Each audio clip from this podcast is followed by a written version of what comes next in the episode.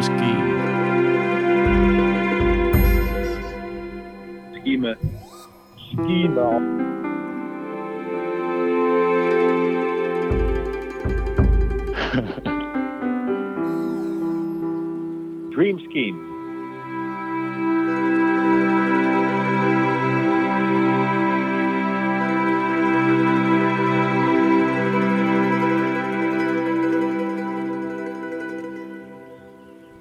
lachuurtje is begonnen.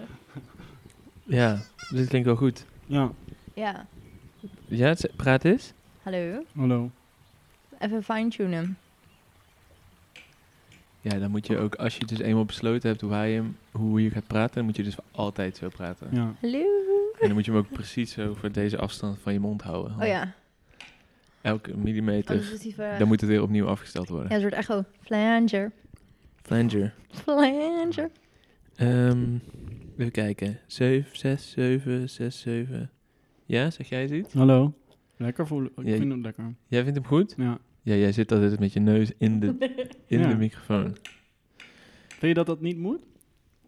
Het is gewoon niet echt hygiënisch. Nee, oké. Nee, maar dan moeten we toch maar beginnen met eigen microfoons hebben. Ja. Want dat kunnen we op een gegeven moment niet meer maken. Kijk, dit, dit groen is echt al niet meer groen. Nee. Er is al heel veel ingespuugd. En jij wou die aan mij aanbieden.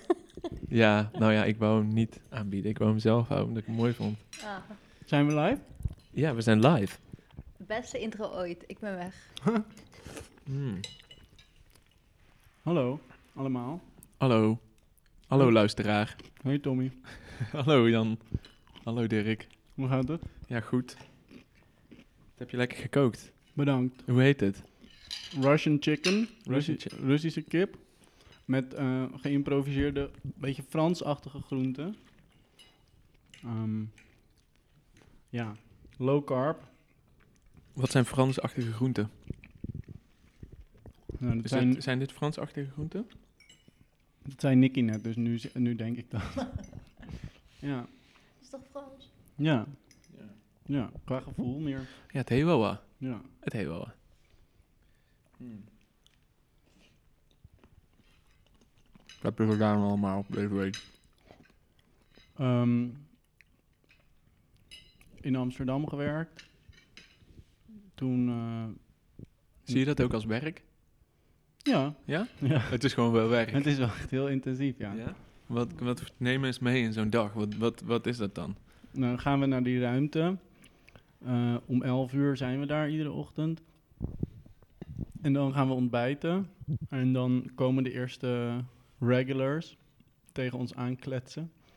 Er komen dus, je hebt vaste gasten. We hebben echt van die een beetje, ja, mensen die, eh, die behoefte hebben aan zo'n plek. Die komen dan kletsen en die blijven dan gewoon. En die komen, we hebben een aantal vast. We hadden vorige week karaoke. Dus dan, ehm, toen hebben we veel mensen echt aan ons weten te binden.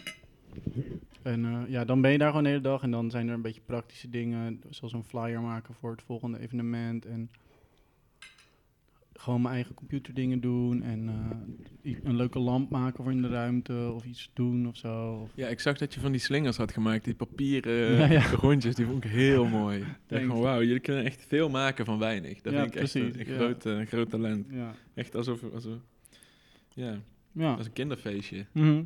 Precies, ja. Ja. Maar karaoke is dus wel gewoon, eh, ik, dat zag ik ook voorbij Dat komen. was echt een... eh, Dat is wel een succes. ja, was echt goed. Ja, Gideon had het bedacht. En eh, ja, was superleuk. En Ja. dat zijn dan ook de mensen die dan vastkomen? Of zijn dat weer Ja, andere? en een van die buurmannen heeft dan een vrouw en zij is een soort sterzangeres van de buurt. En zij ging dan zingen, zeg maar gewoon oude Amsterdamse liedjes of zo. En dan, en ja, dan die ging dik, dat zag ik al. zij was echt eh, populair. Ja.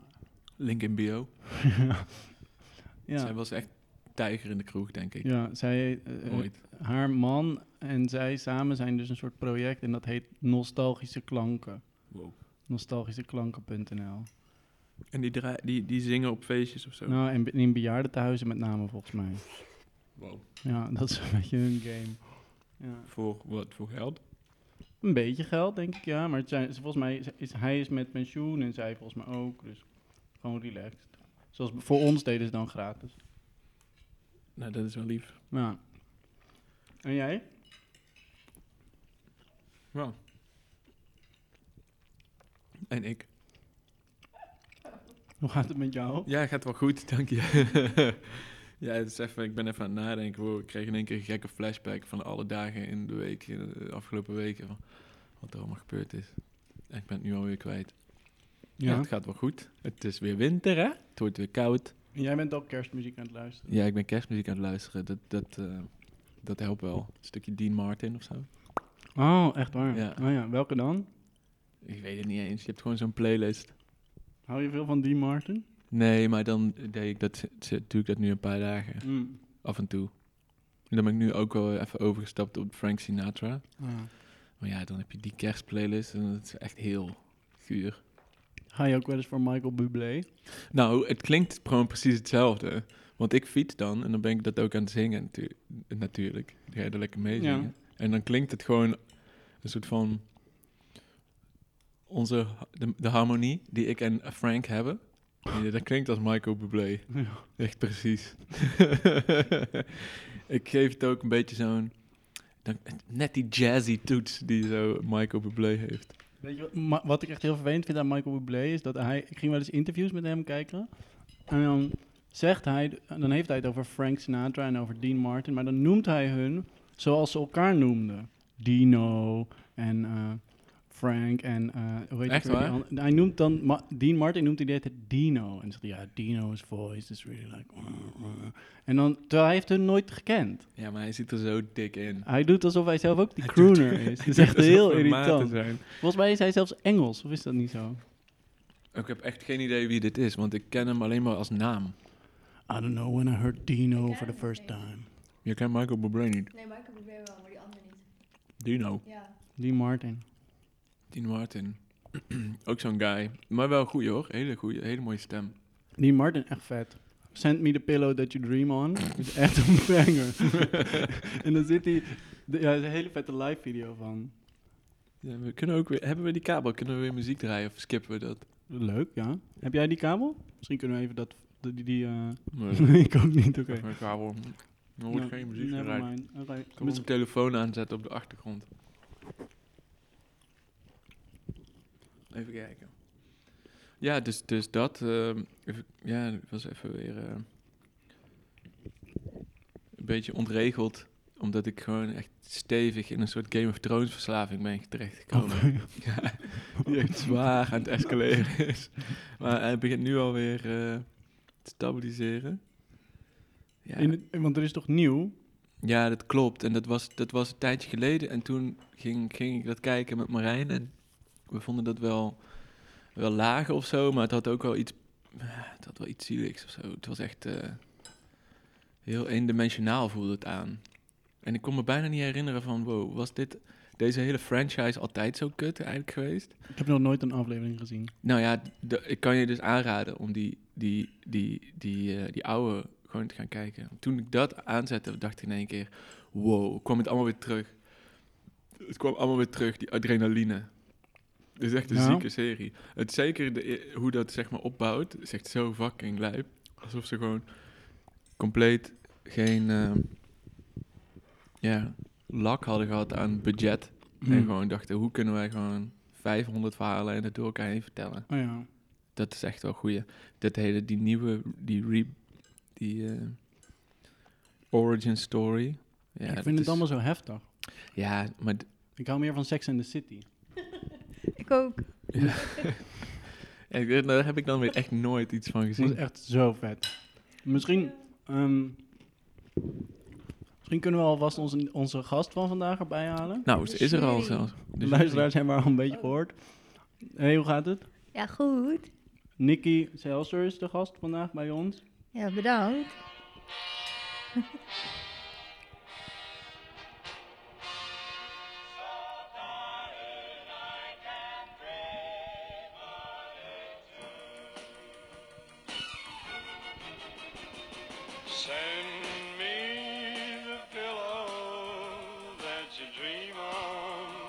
Goedenavond, dames en heren. We hebben hier Nicky in de studio. Oh, ik had voor geen mooiere intro durven dromen. Echt heel erg ongepland. Echt ongepland. Hmm. Zit jij in Game of Thrones? Heb jij- Heb jij daarin geïnvesteerd, emotioneel? Nee. Nee. Ik heb het eigenlijk één of twee keer met mijn oom gezien. Dat is echt wel tien jaar geleden. En hij downloadde dat toen van het internet. Ja, en er waren geen... eh, ja, via Luimweier of zo. Of was dat... Dat is Ja. misschien nog wel ouder. En eh, hij downloadde het altijd zonder subtitles. En, en ik kon het nooit verstaan wat ze zeiden. Dus ik had echt geen idee waar het over ging. Bestaat het al zo lang dan? Volgens mij bestaat Game of Thrones... Dat bestond, bestaat volgens mij al tien jaar. Ik denk het ook, ja. Want volgens mij, voordat ik op de kunstacademie zat... Toen woonde ik bij mijn oom en tante en toen was het er al. Ja, zeker. En toen ging ik dus meekijken. Maar zeker als ze dan in het noorden waren, ik kon hun gewoon echt niet verstaan. Ik sprak ook geen woord Engels. Je sprak gewoon geen Engels. Nee, niet zo goed, nee. Hoezo, hoe oud was je toen? Nou, ik denk ja, 22, 23 of Maar dan zo. spreek je toch gewoon Engels, een beetje? En ik was er gewoon niet zo goed in. Nee. In al die accenten. Ja, ze hebben wel een beetje zo dat eh, Schotse, er komen allemaal Schotse accenten en dan weer... Ja, en ook allemaal woorden die dan nu niet meer voorkomen. Hmm. En ik was gewoon eigenlijk altijd de hele tijd in de war wie bij wie hoorde. Ehm, maar ik Ja. heb wel eens op YouTube wel eens geprobeerd een paar dingetjes te zien, een paar eh, scènes. Waar dan heel veel over geschreven was, of de slotscène. Ja, dat deed me dan helemaal niks. Ja, tuurlijk niet. Maar dat Ja. komt omdat je natuurlijk niet die 80 afleveringen daarvoor hebt gezien. Dus je hebt totaal... Het boeit je niet, gewoon niet dan. Nee. Ja. Nee. Ja. Ik zit te kijken. Ik heb nu net The Crown gekeken. Dat hebben we nu Hmm. net afgekeken. Dat was heel... Ik hou, ik hou er meer van als dingen echt op waar, gebe- op waar gebaseerde verhalen zijn eh, gemaakt. Ja. Of dat er een element van echtheid in zit. Ik hou niet zo van fantasy. Hmm. Ik hou gewoon alleen maar van Game of Thrones en Lord of the Rings. Dat zijn eigenlijk de enige twee dingen die ik in mijn leven kijk. Constant heb ik de ene af, kijk de andere weer. Die andere af, kijk de ene weer. Ja, houdt juist wel van fantasy. Ehm, ten eerste, het is geen fantasy. Het is allemaal echt gebeurd. Ten tweede, ja. ik hou wel van fantasy. Ik hou ook niet van fantasy. Wil je nog een biertje? Heb je nog? Nee, ik heb nog. Bedankt. Ik heb wel eergisteren voor het eerst Alien gekeken. Hebben jullie die film wel eens gezien? Hmm. Dat is dan wel science fiction. Ja. Vond ik echt heel, heel vet. Is dat een nieuwe film of een oude film? Een eh, best wel oude film, volgens mij 19. Echt uit de jaren 70 of zo. Ja, die... Die, eh, die eerste. Maar die zijn nu heel gek aan het mergen. Die Alien Predator en dan Prometheus. zijn allemaal dingen door elkaar aan het lopen. Die hele filmfranchise is echt Mhm. heel gek aan het gaan. Ja, maar die eerste was wel echt wauw. Ik Ja. hou normaal nooit van dingen die eng zijn of zo, maar dit vond ik echt heel goed. Die hele Geiger. Die Geiger Alien. Ik heb dus wel eens gehoord dat ze daar een acteur voor, want die is heel lang. Heb je wel eens iets gezien van Alien of niks? Nee, niks. Het is een soort Niks. van een hele enge eh, alien. Heeft Geiger dat nou gemaakt? Nee, Ridley Scott. Nee, maar die ontwerp. Oh, dat die- weet ik niet. Volgens mij heeft hij daar iets mee te schaften of zo. Zou kunnen. Maar dan hadden ze een soort van gast gevonden die dan. eh, ehm, hadden ze in een café, had de productiepersoon een soort fucking lange gast gevonden. Die volgens mij uit Kenia kwam of zo. En dat was echt, die was echt 2 meter 40 of zo. En die was toen in dat eh, pak. Die heeft toen in dat pak gegaan. En toen is die. eh, eh, dus dat is Alien. En die, dus dat is een soort acteur die alleen maar die rol heeft. En daarna is hij volgens mij teruggegaan naar zijn dorp en Is gewoon... vrij snel omgekomen. Heel heftig, ja. wauw. Vond ik wel een Maar echte... hij speelt een alien? Hij speelt Alien. Hmm. En daar is hij ook bekend mee. Ja, Terwijl hij gewoon in soort een van zit. ja, ja. Ga even googlen. Zo vet. Dat is echt eng. En nu word ik wel afgeleid door de Dean. Ik vind... Ma Ma- Dean Martin is wel echt mijn lievelings van de crooners. Hij is echt de vetste. Maar komt, hij heeft altijd dat, hoekje, dat hoedje op, zo schuin. En dan een beetje zo die, die cheeky lach. Hij was zo. echt een Hey. mad alcoholic, volgens mij. Hij zit ook altijd zo lekker sloom in die stem of zo. Ja, maar dat was een mooie tijd. Dat was een mooie tijd om een alcoholische man te zijn. Sitting here. So darling, I can dream on it too. Zo, of zo. Heel vet. Ja, Oh, Bogar. wat is dat? Een bogar. wie is die acteur, die Amerikaanse acteur die in al die films speelt? In al die 50s films. Ook gewoon zo'n guy. Het zijn echt kopieën van elkaar. Gewoon hoed, lange jas, goede drankneus. Ehm dan moet ik even, eh, moet ik even factchecken. En hij, ik had daar een film van gezien waarin hij ook speelde. En die andere. pff, Jezus, ik ben echt, echt aan het. Goed flaky aan het zijn hier. De, ehm, die ene hele bekende. Die, dat meisje dat met die sigaret op die foto zit, met die lange sigaret. Zo, die altijd op canvassen in mensen hun huizen hangt. Die, Audrey Hepburn. Audrey Hepburn. oh ja. ja. Ja, Audrey Hepburn. En, ehm, en dan deze ga- gast, die ook in heel veel van die films speelt. En hij speelt dan altijd die zo'n soort van crooner-achtige boef. Ik denk dat die Kevin heet, maar ik weet het niet zeker. Kevin. Ja, Kevin. ja, Kevin en Audrey Hepburn, die speelden dus... Oh ja, dat heette in, die in Rome. Want ik de Rome-film. Die, When in Rome. Nee, dat is van Woody Allen. Oh nee, dat is in Ben in Paris. Ja, ja. Take it back. Eh, Roman Holiday. Roman Holiday met Audrey Hepburn. Heel mooi verhaal. Excuus. Sorry, luisteraar. Sorry. Ehm, die, eh, die gaat dan over een, een adel, iemand van adel. Hepburn is dan een soort prinses en die moet dan allemaal dingen doen en daar heeft ze allemaal geen zin in. Ehm, en dan op een gegeven moment ontsnapt ze van haar soort van prinsessendom. En dan gaat ze dus in Rome een soort van een affaire, een affaire met een soort van journalist eh, krijgen. En die, dan gaan ze met, weet je wel, op die Vespa rijden, zo rondom het Colosseum, allemaal heel Hm. romantisch. Dat is een beetje de setup van de film. Maar het is heel vet, het moment dat zij dus eigenlijk elkaar ontmoeten... Mhm. En dat zij dus met elkaar samen die stad ingaan. Zij is dus eigenlijk vermist, omdat zij dus, weet ik veel, weggerend is. En zij is ladderzat. Die scène is zo lijp eigenlijk. Dit is zo'n zieke 50s scène. Zij is ladderzat, ligt daar soort van op een bank, ergens in openbare ruimte van Rome, uit te gaan. En dan komt die gast en die... Even kijken. Dan... Ja, dan jankt hij gewoon een of andere taxi erbij... En dan pakt hij haar eigenlijk op en dan neemt hij haar eigenlijk gewoon mee in die taxi naar zijn huis. Mm. Omdat ze zat is op straat, omdat dat heel gek is of zo.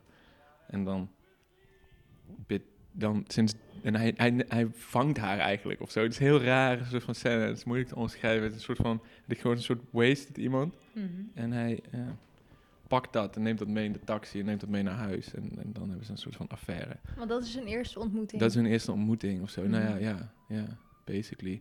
En dan op een gegeven moment, nou ja, dan wordt zij dus koningin en dan kunnen ze elkaar niet meer zien. Maar hij is journalist, dus dan komt hij nog wel naar die persvoorlichting en dan staat zij daar in haar jurk en dan kijkt hij daar zo, oh, Wauw. oh kan hier. En, dan, en het is een soort van, dan kunnen ze elkaar nooit meer spreken en daarna loopt hij weer weg en gaat hij naar een bar of zo. En dat is het einde van de film. Dat is het einde van de film. Vind je dat een treurig einde? Ja, het is wel een treurig einde, maar het is wel een heel... Ja, zo gaan die dingen, hè? Ja, soms heb je niet een happy eind. Ja, dan, dan houdt het gewoon op. Hij loopt ook gewoon weg een beetje te balen. Mhm. En zij ook loopt weg een beetje te balen. En ik van, ja, nou ja. Another love lost. Gewoon weer drinken. Want dat is hoe dat gaat dan in de Ja. 50s. Gewoon lekker zuipen. Dus... eh,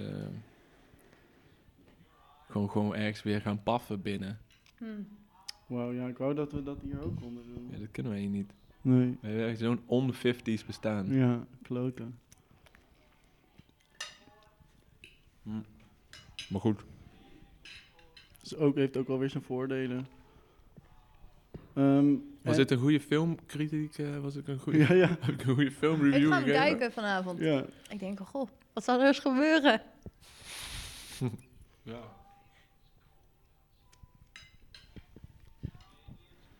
Ik had het misschien beter moeten voorbereiden. Nee, terwijl ik vond het wel leuk. Ik ben wel benieuwd naar die film. Dat kan je tegenwoordig echt niet meer doen. Wat? Mhm. Zatte mensen van straat mee naar huis nemen en dan, zeg maar, onder het mom van een meisje kan niet in haar eentje dronken op straat liggen of zo. Eh, zo, zo, zo gaande dat dat gewoon toen werkt en dat dat dan ook gewoon allemaal werkt en dat het allemaal, ook al is het de koningin, dat dat dus Mhm. een soort van Ja, maar het gebeurt nog steeds toch? Mensen ontmoeten elkaar nog steeds.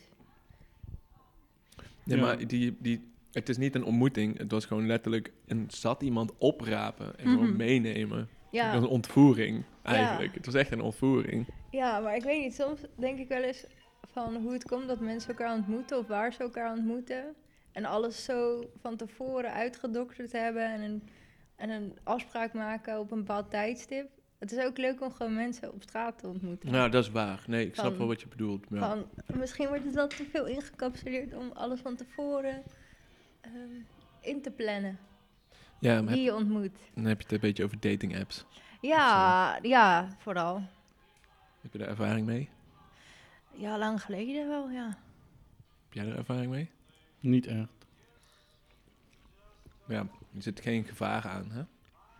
Zeg maar, die, die Roman Holiday ontmoeting van zat, zat iemand op straat. Er zit een soort van randje onvoorspelbaarheid aan. Ja of niet? Ja, Een random encounter in the street. ja, ik weet niet. Ik geloof altijd dat mensen een soort van nog onschuldige intenties hebben. Zelfs in de film. Maar ik kan me gewoon niet voorstellen dat iemand dan langs rijdt en denkt... hé, hey, er zit een zat meisje. Laat ik haar even mee naar huis nemen om iets met haar te doen. Ik, ik kan me gewoon niet voorstellen dat iemand zo denkt. Nee? Nee, ik denk dan... Wacht dit even. Hoe je dit uit? Mag dat even Ga je slechter op? Nou, ik hoorde het de hele tijd zo net niet hard genoeg of zo. Dus ik weet het niet. Hier,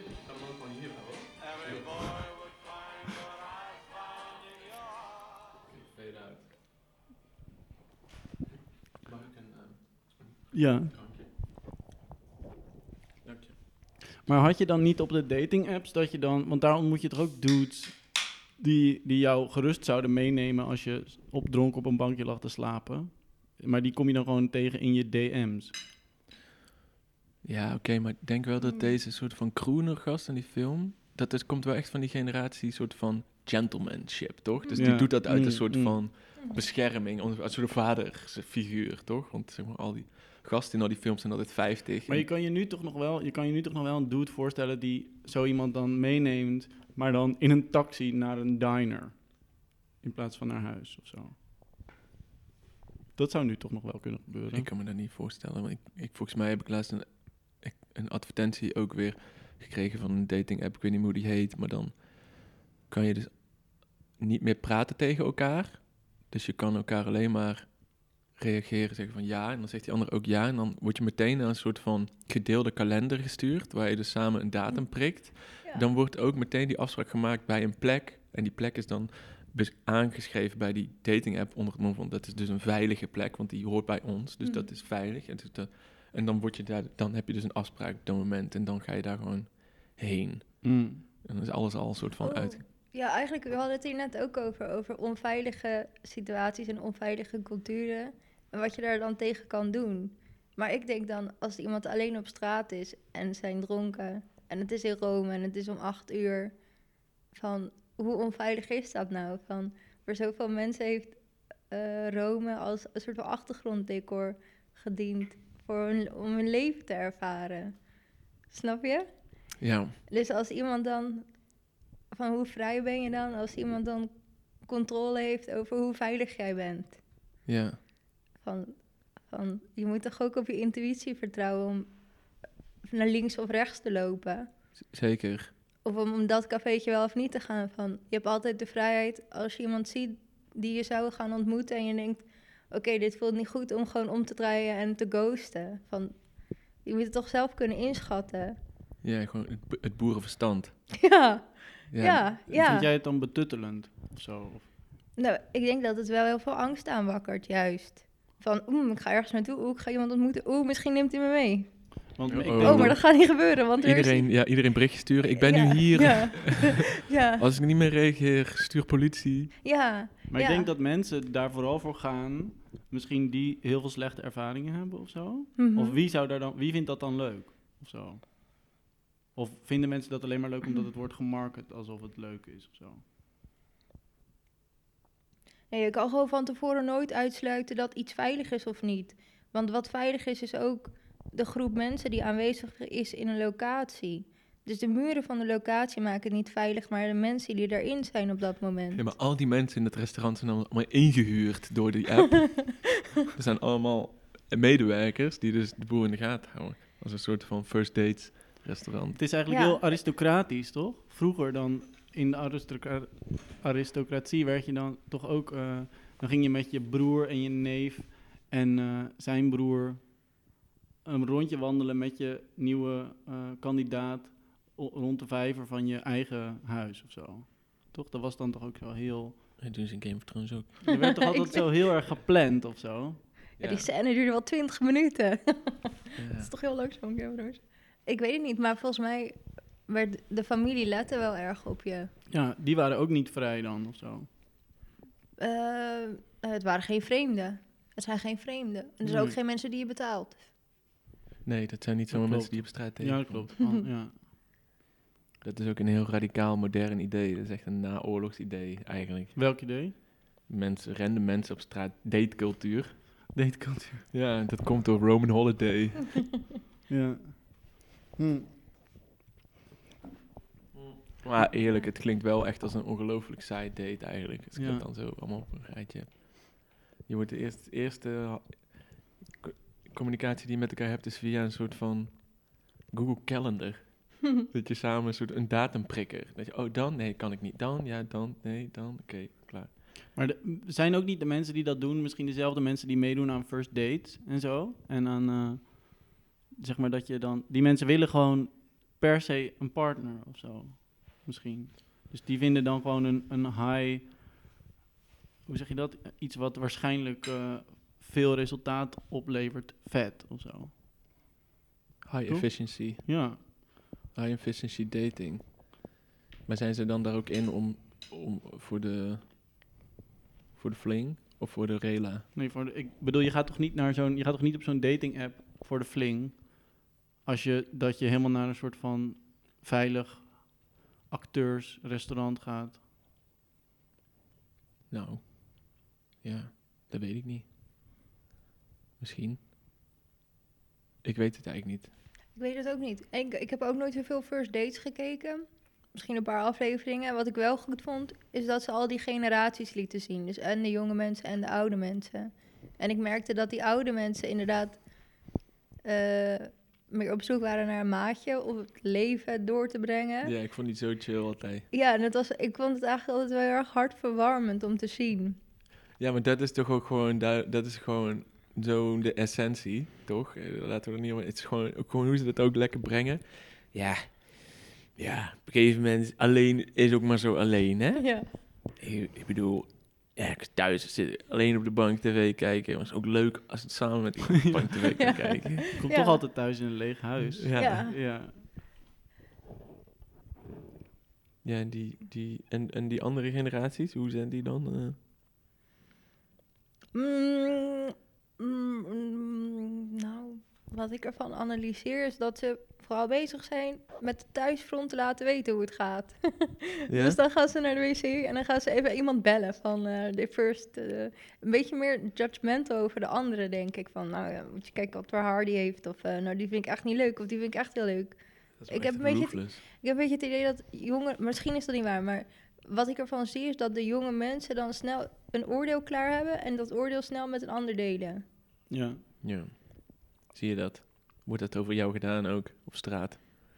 nou, eh, Achter je rug om, hoor je ze typen. eh, nee, heb ik nog nooit gezien. Die heeft weer rare schoenen aan. Je hebt wel rare schoenen aan. ja, ik moest eigenlijk even poetsen. En dat was ook al drie weken. Ze zijn wel vet hoor. Ja, zijn eh suède laarsjes. Want eh, mensen die sneakers dragen in, in deze tijd van het jaar... Ja. Ja, die vertrouw ik gewoon niet. Oké dan. Nee, dat is grap. Nee, dat is grap. Nee, ik bedoel Snap meer ik van... ehm, Moet je ook... sneakers zijn gewoon heel koud. En eh, als het eh, regent, dan komt er eh, waterdruppeltjes in. Mm. Ja. Maar En dit ik- is, ja. dit is eh Gore-Tex, hè? Dus dan, eh, dan is het zo waterproof. Ja, waterproof en eh ademend. Ja, Ja, top. het zijn bergschoenen. Ja, had ik ook naar gekeken. Het is. Duits, dit. Cortex. Het is Duits. Ja, je hebt dat niet, hè? Nee, daar loopt het gewoon doorheen. Ze zijn wel eh, nat, maar wel warm. Ja. Ik heb echt geen koude voeten. Nee. Maar ik ben ook canvas schoenen gewend meer. Mhm. ja, die mensen vertrouw ik dus niet. Nee, nee. Ik ben Dat er zijn ook- echt mensen ben die ik niet uit dat team gestapt. Dan was dragend scho- schoenendragers. Ik vind het gewoon heel belangrijk dat je voeten warm zijn als je buiten bent. Van als je voeten warm zijn, dan kan je gewoon langer buiten blijven. Mm. Ja, Ja. Dikke, ik heb van die dikke sneeuwlazen gevonden. Die ga ik denk ik wel aandoen deze dagen. Mhm. Van het stof erin. Mm. Chill. Ja, ik had vorig jaar ook, ik heb jullie mening nodig. Ik heb vorig jaar een, eh, een eh, vintage heren skipak gekocht. En het was mijn idee om Den Haag door te fietsen met dat eh, skipak aan. Dus nu is de vraag, kan je met een, spie- een skipak rondfietsen? Ja, tuurlijk. Ja, Ja. makkelijk. Hoe ziet het eruit verder? Ja, blauw met rood. Ik weet niet eens meer Blauw wat met roze Blauw waarschijnlijk. met rood. Blauw met rood. Blauw met rood van Adidas. Hm. En eh, ik zag mezelf wel helemaal op de fiets. Maar toen ik hem aandeed, waren die mouwen veel te kort. Dus ik moet nu die mouwen verlengen. Als die maar niet al te erg trekt. Zeg maar, als die maar wel goed past. Want zo'n skipak kan zo achter heel erg trekken. Mhm. Hij is Dat toch gemaakt beetje- om te sporten. Dan kan je lekker snel fietsen. Ja. Ik vind het wel mooi, denk ik. Het kan, sommige zijn lekker- heel erg 90s of zo. ja, dit is wel een beetje George Michael. eh. Mm, mm, mm. Ik Dan ligt het ook een beetje aan de combinatie, denk ik. ja, ik en een fiets en een skipak. Mm, De ja. rest valt niet echt te zien. Ja. Ik denk dat het wel Ik kan. denk, ik, maar voor mijn zeker heb je ook. ja. Ja. Je moet het in ieder geval proberen. En dan gewoon kijken hoe het voelt. Oké. Alright. Wordt je wel makkelijk te herkennen als je fietst. Ik vind dat mensen sowieso een beetje te grauw gekleed zijn hier in Den Haag. Ja. Veel grijs, veel bruin, veel grijzige, eh, regen, natte kleren. Dus zo'n skipakje... Ik denk Vrolijk dat, de boel een beetje op. ja, vloeit de boel op. Kan het wel gebruiken. Hm. Een hele leuke, hele leuke introductie. Laten we eens eventjes naar de kernzaak Ja, komen. even naar de vraag die op de lippen brandt. Oh, Wij hebben namelijk iets over jou gehoord. Ja. Wat dan? Ehm, namelijk, of nee, ik heb het eigenlijk volgens mij gewoon van jou gehoord. Maar eh, dat je, eh, of dat je, eh, want je bent een schilder. Ja, wil je misschien, Misschien kun je jezelf intres- inderdaad ja, even wat je, Oh. zeggen. Wil je jezelf even voorstellen Ja. aan Oh. onze luisteraar? Fred, Ja. dat is onze luisteraar. Die Hey zit er nu. Fred. Hoe gaat ie? Hij is, Oh, niet, hij is niet live, maar hij gaat het wel waarderen. Als je Hmm. even- Ah, Fred, is iemand van jou... eh oh. Goeiedag. Heb een mooie dag. Stel jezelf even voor. Ja, ik ben Nicky. En eh, ik ken jullie allebei van de kunstacademie. Jan Dirk is mijn buurman. Maar hij is nooit thuis. Zal ik de plant een keer water geven? Benze woont nu in mijn huis. dus Maar ik heb hem ook al heel lang niet gezien. Hij is er wel, hij is er gewoon heel stil. Eh, ja, ja, en ik ben... Ik schilder. Of ik maak schilderijen graag. En eh, ik beweeg in de kunstwereld in Den Haag, meestal op de zijlijn. Om, eh, om iedereen een beetje te observeren. En eh, eh, ja, wat nog meer? Ik werk bij Goedman, bij de kunstenaarsbenodigdhedenwinkel als bijbaan. Dat is wel leuk. Misschien. En, ehm, ja, ik heb heel veel artist statements geschreven en ze zijn elke keer wat anders. ze worden steeds vager en vager, dus daar hou ik me een beetje van op de Ja, even, dat zou leuk zijn als we mensen vragen om een artist statement voor te lezen. Zo, Ja, als een soort, robot. Ja, ja, ik weet nog dat ah, we hadden research en eh, research group in het eerste jaar van de academie. En de eerste taak was om een artist statement te schrijven. En ik had echt geen idee wat ik aan het doen was. En nu? Ja, nu een beetje beter. Want wil je misschien uitleggen, want je bent nu schilder, Mhm. maar dat ben je niet altijd geweest. Nee. Ehm, hoe is dat zo? Weet je nog hoe dat is gekomen? Ja, een beetje. Dat is niet altijd zo geweest. Ben- nee, ik dacht dat het schilderde. Nee, Zo zat, geboren ik ben je zat op de kunstacademie, eh, op de sculptuurafdeling.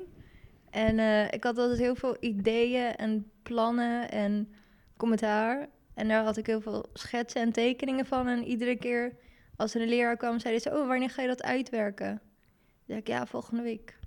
En dat ging drie jaar lang door. Dus ik heb eigenlijk alleen één grote stapel met tekeningen en schetsen gemaakt. En toen gingen ze zeggen, ja, misschien moet je maar naar Lawrence Wiener kijken. Hij is een eh, tekstschrijver. En hij maakt korte kunstwerken van een paar woorden. En toen ging ik performances geven, een soort uitlegvideo's van hoe ik de wereld zie en eh, wat ik over de filosofie lees en hoe ik dat interpreteer in mijn hoofd. En soort tabelletjes maken. En ehm, daar eigenlijk een soort verhaal bij vertellen. En toen ging het er steeds over hoe ik die presentatie kon verbeteren. Of hoe ik mooiere plaatjes kon printen. Of wat eh professioneler kon overkomen. Dat ik wist hoe het begin en het einde van de presentatie was. En toen werd ik altijd zo zenuwachtig van eh, al dat presenteren. En ik werd zo zenuwachtig van al die mensen... dat ik eigenlijk heb besloten om te stoppen met praten... en een schilderij te maken. En dan dat schilderij was het kunstwerk. En zo, zo is het schilderij bestaan. Dus mijn eerste schilderij die ik ooit op de academie heb gemaakt... was van het langste latje wat ik kon vinden. Dat was 2,40. Toen heb ik dat in elkaar getimmerd. En toen heb ik eigenlijk ja, heel veel verf op dat doek gegooid. En na een half jaar had ik drie supergrote schilderijen. En ehm, toen vroeg de leraar nog steeds... wat ga je laten zien bij je afstuderen? En eh, ja, ze waren allemaal een beetje shook toen ik drie eh, eh, schilderijen liet zien. Want we hadden nog nooit over die schilderijen gepraat in de studio visit. Die waren er ineens. Die waren er ineens. Letterlijk, oh, dat is echt heel erg. Maar toen iedereen aan het opbouwen was en die muurtjes aan het witten was, toen was ik nog een schilderij aan het schilderen. En ik dacht telkens, ja, dit, ja, dit moet ik doen. Dit moet ik doen, zo moet het gaan, dit moet ik doen. En toen hingen ze allemaal. En ja, toen kwamen de assessments. En dat ging niet zo goed. Want ze ze- nee, ze konden me niet beoordelen op mijn vooruitgang. Wat ik ook wel begrijp, want het was echt heel random uit het niets. Ik weet nog dat het echt een raar... Het was echt een situatie. Dat mensen aan het zeggen waren van... Oh, Nicky gaat niet meer die gekke performances doen. Nee. Gaat, ze, gaat ze nu echt die schilderijen doen? Gaat, gaat dit het echt zijn of Echt zo? waar? Was het een... Mensen hadden, we hadden het daar echt over. Dat ze zaten van... Wow, dit is nu echt... ja, ik- Wat gaat er gebeuren of zo? Ja, het was echt heel erg. Want, want ik heb altijd, de hele academie heb ik naar iedereen gekeken. Met het idee dat iedereen precies wist wat ze aan het doen waren. En dat hun persoon zo mooi samenviel met wat ze maakten. En daar, daar, dat, dat vond ik altijd zo imponerend. Dat, dat, dat de mensen en het werk zo mooi samenviel. Maar zo interpreteerde ik mijn eigen werk nooit. En ik maakte me eigenlijk ook nooit zo zorgen over hoe iedereen dat zag. Of hoe iedereen mij zag en, en mijn schilderijen zag. Maar blijkbaar zagen mensen dat dus wel. En ik, ik had dat niet eens door. De kaart en het gebied. Ik weet niet wat dat betekent. Ik, ik, zei, ik, ik zei gewoon wat er in me opkwam. Maar, ehm, Ja, maar jij bent dus, bent dus nu verknocht aan, eh, aan, eh, aan schilderen? nou niet per se. Nee. Maar heb je het idee dat, dat het nu wel samenvalt met jou als, als nog, steeds, persoon? nog steeds niet. Wat, is dat dan eigenlijk, dat iets samenvalt met je persoon? Want waarom... waarom- waarom- Mm, zoals ik dat zie, is als bijvoorbeeld iemands persoonlijkheid of iemands aanwezigheid ehm, een bepaald gevoel bij mij geeft. En dan dat ik het werk ernaast zie en dat ik dacht, wow, dat zijn echt kinderen van die persoon of zo. Verlengstukken van die persoon. En dan ook van mensen die ik nog nooit heb ontmoet, kan ik dat al geloven. En heb je dat hier ook, waar we nu zijn? Ja, maar ik ken Jan Dirk heel goed. Ja, daarom. Maar het is ook een beetje een soort van ja. wat je op hem projecteert, toch? Dus het is Ja. een soort van, je projecteert alle ideeën op Jan Dirk. Zeg maar, oh Jan Dirk, dat is allemaal, die is allemaal dit en dit en zo. En dan zie je die dingen en die spullen en die vormen en die kleuren. En dan denk je, ja, ja, Ja, ik denk precies. Ik Een soort- denk ook, ehm, wel, wat een mooi woord wat ik wel vandaag wel gebruik, is waar je dan in gelooft. En of mensen dan nog ergens in geloven. En ik, ik geloof nog heel erg in de kunstenaars die nu maken, die iets maken omdat ze dat echt moeten doen en dat dat dan past. Dus als dat gepresenteerd wordt, dan weet ik, dan geloof ik daar ook in. Ja, Dus als ik Jan Dirk's gele kast zie, dan denk ik, ja, dat is toch een mooi geel kastie. dat is toch mooi gedaan. ja. ja, en dan ja, herken ik tussen tekeningen. En dan is er meestal overal wel een soort van zachte lijnwerk in. En dan, ja, of getekend of geborduurd of zo. Want het is vaak, het herhaalt zich. Ja. Maar ja, mijn schilderijen, ik had dus drie schilderijen en die, eh, ik ben, ik ben dus afgestudeerd. Ik ben met de zes overgegaan. en eh, ik wou heel graag... Oh, dit is echt een revanche. Ik had dus als plan om dan een heel groot t-shirt te nemen met een supergrote zes. En als dan Martijn me mijn diploma ging geven, dat ik dan zo zes t-shirt aan had. En lachen. Dat was heel leuk. Mijn hele familie was bij het afstuderen. De eerste twee rijen op de voorkant waren helemaal vol met mijn familie. Mijn nichtjes, mijn oom, mijn tantes, mijn zusje, mijn moeder. Het was helemaal vol. Dus eigenlijk was het kunstwerk dat mijn hele familie er zat. En dat ik dan zo blij was met die zes. maar ja, ik, ik durfde dat toen niet te doen of zo. Een beetje scheidluis. Maar nu zou ik dat wel doen. Je durfde dat shirt met die zes niet aan te doen. Nee, ik dacht, ja, dat moet allemaal officieel zijn. En. Maar verder, verder is dat kunstwerk gebeurd, toch? Zo, behalve het shirt niet. Eh, ja, ja, ik heb wel mijn- ja, ja, ik had een jurkje aan. Hm. Ja, ja. Ja, cijfers. Ja. Cijfers op een kunstacademie sowieso echt een hele rare eh, eh, concept. Afstuderen met een cijfer. Afstuderen misschien wel, maar ik vind die tussentijdse Ja, cijfers nee, vind dat is wel prima. goed hoor. Maar Een afstuderen met een cijfer, dan denk ik van gast. competitief Doe of zo is ook wel doe oké. Ja, mm, maar, Maar goed, een 6 is een schitterend cijfer. ja. ja, want wat er toen was gebeurd... Als je je hoofd omdraait, is het een... ja. Nee, eh, Ja, wat er toen is gebeurd, is dat al mijn afstudeerwerk verkocht werd. Binnen drie maanden. Voor best wel veel geld. dat dan weer wel. En dat dan weer wel. En dat kon ik dus met niemand... Of nee, ik, kon, ik heb het niet echt met mensen gedeeld toen de tijd. Want, Hmm. want school was al over. Dus ik wou eigenlijk heel graag naar school om te vertellen... "Hey, ik heb al mijn werk is verkocht. Maar ja, toen was het al over. En toen wisten alleen een paar mensen het. Maar binnen drie maanden was alles weg. Dat is wel sick. Ja, dat was En- echt de verrassing van de dag. Terwijl heel veel mensen met een 9 dat niet eh, kunnen vertellen. Maar dat is ook heel grappig. Maar dat heb je dus, je hebt dus nooit de kans gehad om dat te, te delen. Zo van, hé, hey, het Nee, helemaal niet. is gewoon zo van, oké, het zal wel. Ja, er werd gewoon zo op op mijn rekening Ja. gestort. Ja. Ja. ja, dat is wel dik. Want wat is daarna dan gebeurd? Want je hebt, je hebt ja, wat is er daarna gebeurd? Ja, ik ben toen met dat geld naar Argentinië gevlogen. Dus eh, Goeie. ja, ik wou heel lang naar Zuid-Amerika gaan. En, nee, oh nee, eh, het ging eigenlijk anders na me afstuderen. Toen werd ik gevraagd om schilderijen te maken voor een hotel in Rome. Want ik had het jaar daarvoor, juni, juli, augustus, in Napels gewerkt. Als bartender bij een hostel. Wow, sick. In Napels als bartender. Gaande. Ja, dat was eigenlijk ook niet de bedoeling. Ik was eigenlijk berdenverschoner. En ik zou maar een maand blijven. En toen werd de barmanager ontslagen. En dat, dat waren er maar twee mensen in dienst, dus dat viel wel mee. En eh, toen had iemand de positie eh, gekregen. Maar hij vertrok naar Amerika een paar dagen daarna. En toen had hij mij aangeraden van, ja, je moet haar nemen. Maar ik was nog maar vier, vijf dagen aan het werk of zo. En toen kreeg ik de baan. Toen heb je dus drie maanden in Napels gewoond? Ja. Was dat leuk? Ja. ja, dat was heel leuk. Wauw. Nou, ik, ja, Napels is fantastisch. Napels is echt mijn lievelingsstad in de wereld. En dat komt omdat het zo'n zootje van alles is. Eigenlijk, op de vraag van wat ik doe, dat, dat wordt steeds beter beantwoord, omdat ik herken wat ik leuk vind. En dat verandert eigenlijk nooit. Of niet zo vaak. Dus dan heb je bijvoorbeeld een heel groot Jezusbeeld met daaromheen lichtjes in een kruis. En het ziet er allemaal heel kitsch uit, maar het is wel allemaal religie. Of dan heb je Maria-beelden met allemaal ja, verkleurde bloemetjes. En je hebt daar in een woonwijk een grot. En die grot heeft dan allemaal schedels. En die schedels zijn dan gewoon op de grond op elkaar gestapeld. Met allemaal muntjes daarop. En die muntjes die zijn dan om de vervoer naar de hemel te, bepalen, te betalen. Maar je kan er gewoon gratis naar binnen lopen. En ik staat achter glas. En dan heb je, laat maar zeggen, een stukje uit die grot. En daar staat precies een standbeeld onder die helemaal beschimmeld is en die dan naar boven kijkt. En op mijn vrije dagen ging ik gewoon wandelen. En dan kwam ik dit soort dingen tegen.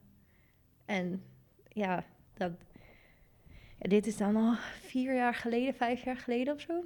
Maar wat, en wat, hoe vond je dat dan, dat dat soort dingen de hele tijd in je dagelijkse routine opeens zich voordoen? Ja, ik was altijd heel erg van ontdaan of zo. Ik, stond, ik, ik loop altijd heel langzaam en ik bekeek altijd alles. En ik was alleen. En eh, je hebt ook... Het mooie van Napels is dat het een stad is die gebouwd is van, van eh, beneden naar boven. Dus als je boven staat, dan kan je de hele stad bekijken. En dan zie je de Vesuvius en het water. En als je beneden staat, dan kan je weer de stad van, boven, van beneden naar boven bekijken. Dus je hebt echt het gevoel dat je een overzicht hebt. Je hebt ook een eh, hele grote villa in een verlaten parkje. En daar heb je dan een fontein. En daar waren allemaal baby-schildpadden. Wauw. Dus dat was heel leuk. Oh, dat is ook een mooie anekdote. Een vriend van mij die was daar en het was net voordat ik een scriptie moest schrijven. En toen zei hij eh, dat de nieuwe generatie mensen ook. ehm, oh, lekker. Dat de nieuwe generatie mensen ook eh, werk moeten maken. En dat we niet als onze generatie alleen maar het mooiste kunnen beschouwen wat al gemaakt is, maar dat we ook eh, zelf moeten blijven maken. En dat advies heb ik altijd wel aangehouden. Ja, nou, dat kunnen ze in Italië ook zeker nog wel even eh, iets van leren.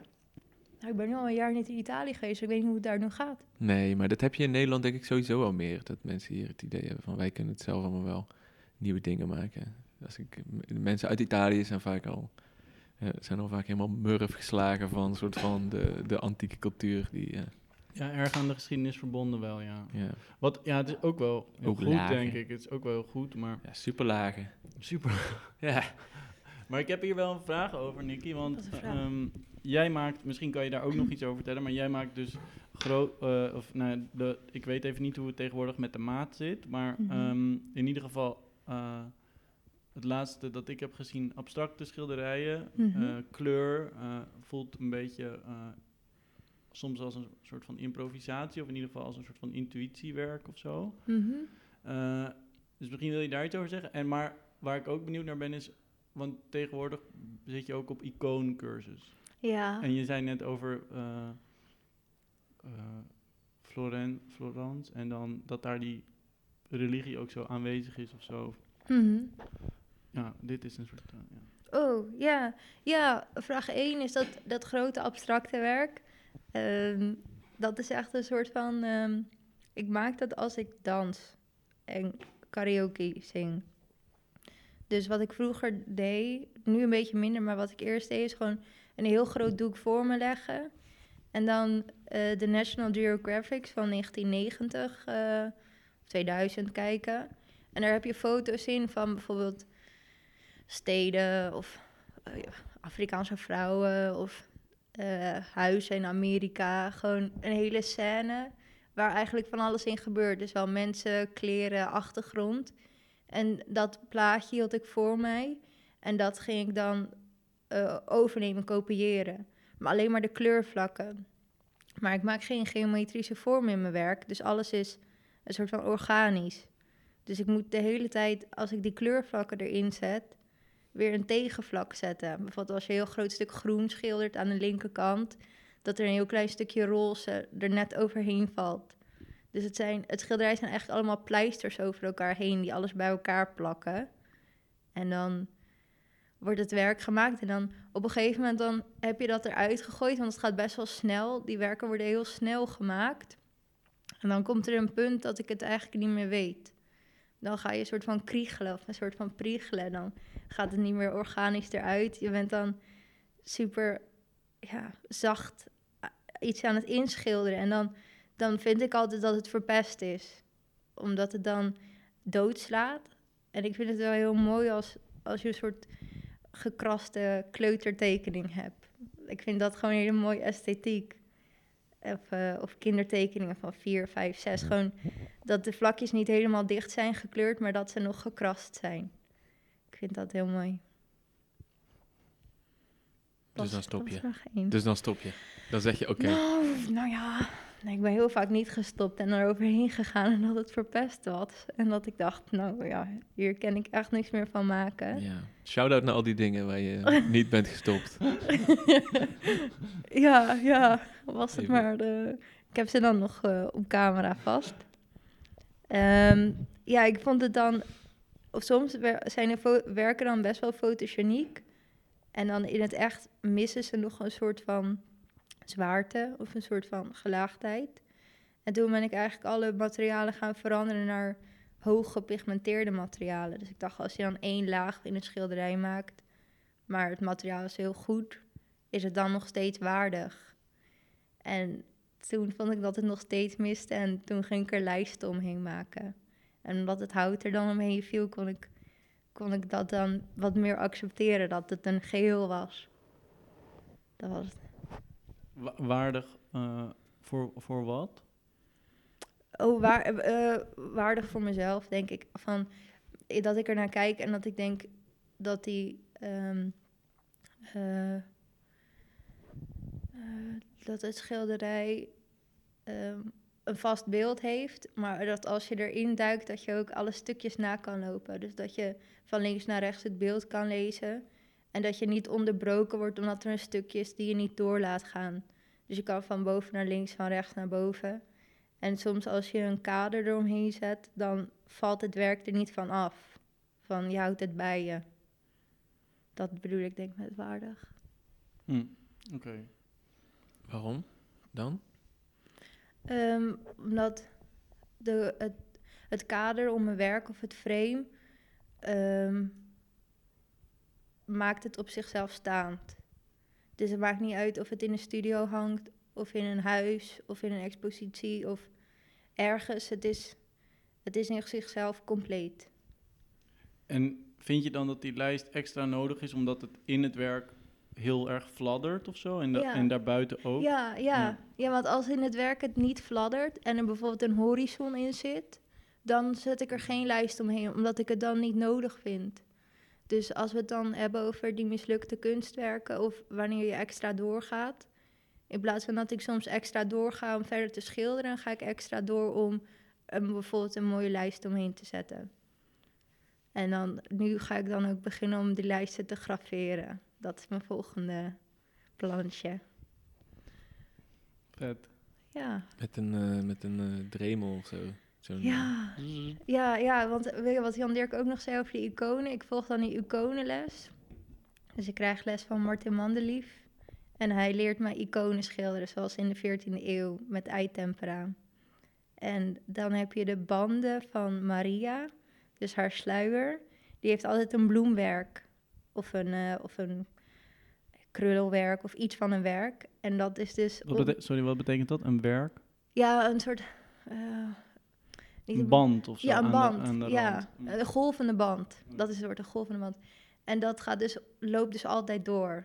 Dus die golvende banden heb je allemaal patronen van. Van in de renaissance en in de middeleeuwen. En daar, daar heb je allemaal boeken van. Van die soorten banden die doorlopen. En die zou ik wel graag in dat hout willen graveren.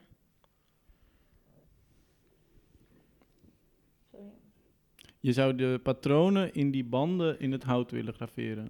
Ja, om te proberen hoe dat eruit Die ziet. band, waar zit die band dan? Ik Om haar sluier. Om haar sluier. Ah, Gewoon ja. hoe dat stof valt. Dus Ja. de zoom, zeg maar. Dus de, De zoom, zoom van de de stof. zoom van die sluier. En de manier hoe dat gedaan wordt, is een soort van, daar zit een soort traditie in. Ja, Maar en de traditie is dat het doorloopt. Dus, ik- eh, wat bedoel je met door. doorloopt? Eh, dat het oneindig is. Dus dat is een soort patroon. Dus de voorkant, het begin en het einde is hetzelfde. Dus kan je het oneindig aan elkaar Oh ja. vastplakken. Ah, oké. Ik moet het even voor me zien. Maar dit klinkt wel als een hele Wacht, vette niche. Ja, misschien moet je een foto laten zien. Oké. Want, ehm, wa- eh, want ho- hoe ben je, waarom wil je dat dan, dat iconen schilderen? Want dat, het is eigenlijk heel ander type werk dan jouw werk, zou je denken. Oh ja. Oké, wacht. Dit is die foto, dus dat gouden. Ja, precies. Ja. En dit is dan eh gou- vissengoud met eroverheen een laag omber. En daarna is alles weer teruggekrast. Vissengoud. Ja, Eh, vet woord, wel. ja. Maar dit is, een- hij is nu bijna af. Ik heb nu vrijdag mijn Zo laatste vet. les. Dik. Dus dit is op eikenhout gemaakt met eh, eh, een ondergrond. Ik heb een hele voorstelling, of ik heb het in vijf keer gedaan. 20 uur zit in. De kinderhoofdjes, ik zo, zo lijf altijd, hè. Zo. Zo'n Ja. klein volwassen Ja. hoofd. Zo, zo goeie. Ja, Ik was in, eh, ik was in, eh, in Bulgarije en daar heb je heel veel van die orthodoxe kloosters. oh ja, vet. Ook hele zieke schilderstijl of zo. Met echt met gewoon echt dom oude fresco's gewoon aan de muur van een soort verlaten tent. En dan zie je ook wel dingen en denk van, wow, ik kan echt niet tekenen. Gek. Sommige dingen Ja. zien er zo weird uit. En terwijl ik Ja. gewoon, denk van, worden mensen over de jaren heen nou beter in tekenen of zo? Of is het een soort van... Ja, ja, dat is eigenlijk een beetje mijn uitgangspunt ook, waarom ik dit heb gedaan. En dat gaat wel over de gelaagdheid. Dus waarin mijn schilderijen vaak dan één laag hebben. En ik daarna niet wist hoe ik verder moest gaan. Mijn collega Paola, shout-out, die eh, ehm, zei altijd dat ik vlakken onder mijn tekeningen moest eh, maken. Of vlakjes onder mijn schilderijen moest zetten. Zodat het een soort van gelaagdheid krijgt. En je hebt schilders die in vlakken schilderen. En je hebt schilders die in lijntjes schilderen. En dat zijn eigenlijk de verborgen tekenaars. En ehm, ja, het lukte me gewoon niet om een vlak te schilderen. Jij bent Dan- een lijntjes... ik ben eh, echt een lijntjes, een eh, lijntjesmens. een lijntjesmens. Dus ik ben nu naar die icoonles gegaan om te leren, ja, specifiek om vlakken te leren schilderen. Dus hieronder, wat ik net liet zien, dat zijn allemaal vlakken. En daar zijn allemaal stukjes opgebouwd. En het is als een soort van piramide. En je werkt steeds lichter en lichter en lichter. En dan uiteindelijk heb je dit. Want begin je bij dit ook... Want je hebt ook volgens mij zo'n traditie dat je in het midden begint. Dat je met een soort middenbruin begint en dat je dan naar donker en naar licht gaat. Maar wat jij nu dus doet, is je begint op het allerdonkerst. Eh, nee, dat middenbruin heet sancriet. Hm. En dat is dan een combinatie tussen gebrande sienna en eh, rauwe sienna. En volgens mij heb ik er nu een omber in gezet. En eh, dat weer gemengd met een Pruisisch blauw, zodat het een soort zwart wordt. En daaroverheen ben ik weer overgegaan met een oranje oker, gele oker. En zo ging ik steeds lichter en lichter. En de truc is dus om de donkerste delen, de schaduwvlakken, niet nog een keer aan te raken. En dan als een trapeze van donker naar licht te gaan. Vind je het eigenlijk ook leuk om een soort schildernerd te zijn? V- Vind je dat Eh, fijn? Dat je zeg maar al die, soort, nou- al die dingen weet? Ja, ik word... Ja, ja, eigenlijk wel. Wat Ja. een lompe vraag, Jan Dirk. Nee, dat, dat, dat- Dit is voor een interview. nee, maar ik bedoel, ik vind dat heel mooi. Duidelijk te maken met twee schilders die hier een soort schildernijd. Nee, nee, ik vind het heel, ik bedoel, ik vind het, het is heel goed, het is toch heel fijn om ergens een nerd in te worden. dat of is zo. wel Ik zo. vind het, ehm, Nee, dat is een... ik eh, bewonder dat ook echt, dat ik denk van, oh ja, want, Kan je ook anders brengen. Nee, maar ik vind nerd echt niet een scheldwoord. Ik vind Nee. dat echt, eh, eh, Ik moest er even nadenken of ik er ja op zou zeggen of niet. oh sorry, maar ik bedoelde het echt niet, oh, ik bedoelde het echt gewoon als, ik vind dat, respecteer dat echt heel erg als Misschien iemand kunnen we het even gewoon, eh, overnieuw doen. Dat is het gewoon even... Ja. Zo, goh, wat een technische termen gebruik je voor die kleur. Maar ik zie dat dan echt als een soort wetenschap of zo. Nee, het is ook... Nee, maar het komt wel ook omdat ik van Nicky weet dat ze dat je ook wel vaak best wel los bent met veel dingen, maar dat je Ja. hier dan heel erg eh, heel Ja. erg precieze kennis over hebt. Dus dan denk ik, oh ja, Ja. dat moet ook wel een heel veilig en fijn en cool Ja. gevoel geven of zo. Ja, ja, ik ben best wel lomp en best wel onhandig. En eh ehm Als, als schilder of als mens? Of bij je allebei. allebei. Ja, gewoon best wel, ja, gewoon best wel snelheid boven precisie. Dat eh, vind ik altijd wel, ja, gaat me natuurlijker af. Ja, ik denk dat we het daar allemaal wel mee eens zijn. Toch? Jij? Nou, dat vind ik wel echt de struggle. Ik zou wel echt, ik wil wel altijd graag precies zijn, maar ik kan het vaak niet. Ja. Ja. Jij, Tommy? Ja, ja, nu jij dit zegt, denk ik ook van ja, als ik een keuze had, had ik misschien het anders ingevuld. Het is ook gewoon onkunde. ja. ja, maar ja, ja, ja, wat kan ik over zeggen? Het is gewoon heel leuk om, als je in een ruimte kijkt, om alle kleuren aan te kunnen wijzen en dan te kunnen zeggen wat het pigment is. En ik kijk ook, ehm, Kan je dat nu? ja, Echt? ik denk het Kunnen we dat even testen? Kunnen we dat even testen, ja? dat, dat als we vind- kijken naar dit, wat hier staat, die ezel, dat, dat geel, Ja, dat geel is Napelsgeel. napelsgeel. Ja, dus is een oker gemixt met titaanwit. Maar het- is überhaupt ook met... Oh nee, nee sorry, nee, nee. Oké, dus dat is napelsgeel. En, en wat gebeurt er verder? Het zijn niet zo heel veel kleuren. Zullen we eens even iets aan? Ik wijs even iets aan, ja? Oké, Ja, is ja. goed. Ik kan ook gewoon heel erg liegen en gewoon nou iets zeggen. Weet je wat wel heel leuk is trouwens, Nick? Nou, Daar hangt het meest recente schilderij van Constantijn. En daar hangt het allereerste olieverfschilderij van Constantijn ooit. Is dat niet, eh, deed jij niet die Twin Peaks ook? Nee, maar dit is de eerste. Ik denk dat het een ultramarijn gemixt is met wit. En dat is een sapgroen. dit is ook zijn eerste, dus dan is het waarschijnlijk gewoon uit de tube. Komt recht Maar ik denk eigenlijk dat die lucht iets met kobalt te maken heeft. Nou ja, kobalt en ultramarijn zijn eigenlijk bijna dezelfde kleur. Alleen kobalt is een, een dekkende versie van eh, ultramarijn en ultramarijn transparant. Oké, Dat vet. is inderdaad een vriendengroep. ja, dit is een beetje lastig, want het kan ofwel... ehm, Je moet het vanaf jouw perspectief zien ook. Hè? Mhm. Erbij. ja, ja, ik denk dat dit bijvoorbeeld een Engels rood is, maar dan met een heel klein beetje, heel klein beetje omber erbij. Eh, We horen het maar over die omber, maar wat, is, wat de fuck is omber? Oh, dat is een, een, bruine, een bruine kleur. Oké, eh, ik wil het iets moeilijker maken. Ehm, want nu hebben we naar dingen gekeken die daadwerkelijk geverfd zijn. Maar als je daar naar, er staat daar zo'n kersenplank. Eh, misschien dat- kan Tommy hem aanwijzen in de hoek. En dan zie je die brede plank, die hoge plank. Ja, die. Ja, maar dat is heel leuk, want daar zit geen pigment bij. Dus ik kan dat niet... Maar als je dat zou moeten schilderen, die kleur, hoe zou je die dan maken? Nou, eh, ja, ik zou een sienna gebruiken. En eh, die sienna met wit vermengen. En dan die lijntjes weer terug ingraveren. Dus dat je eerst een beetje donkerder en daarna weer licht. En dan die donkere lijntjes weer terugzet. Oh ja, maar, want het is een soort grijzige, rode, bruine. Nou, ik vind er niet echt veel rood in zitten. Nee, maar het is, het is best wel rozig eigenlijk, kersen. Maar misschien, misschien kun je dat nu niet goed zien eigenlijk. Misschien is dat nu niet zo duidelijk. Hmm. dingetjes.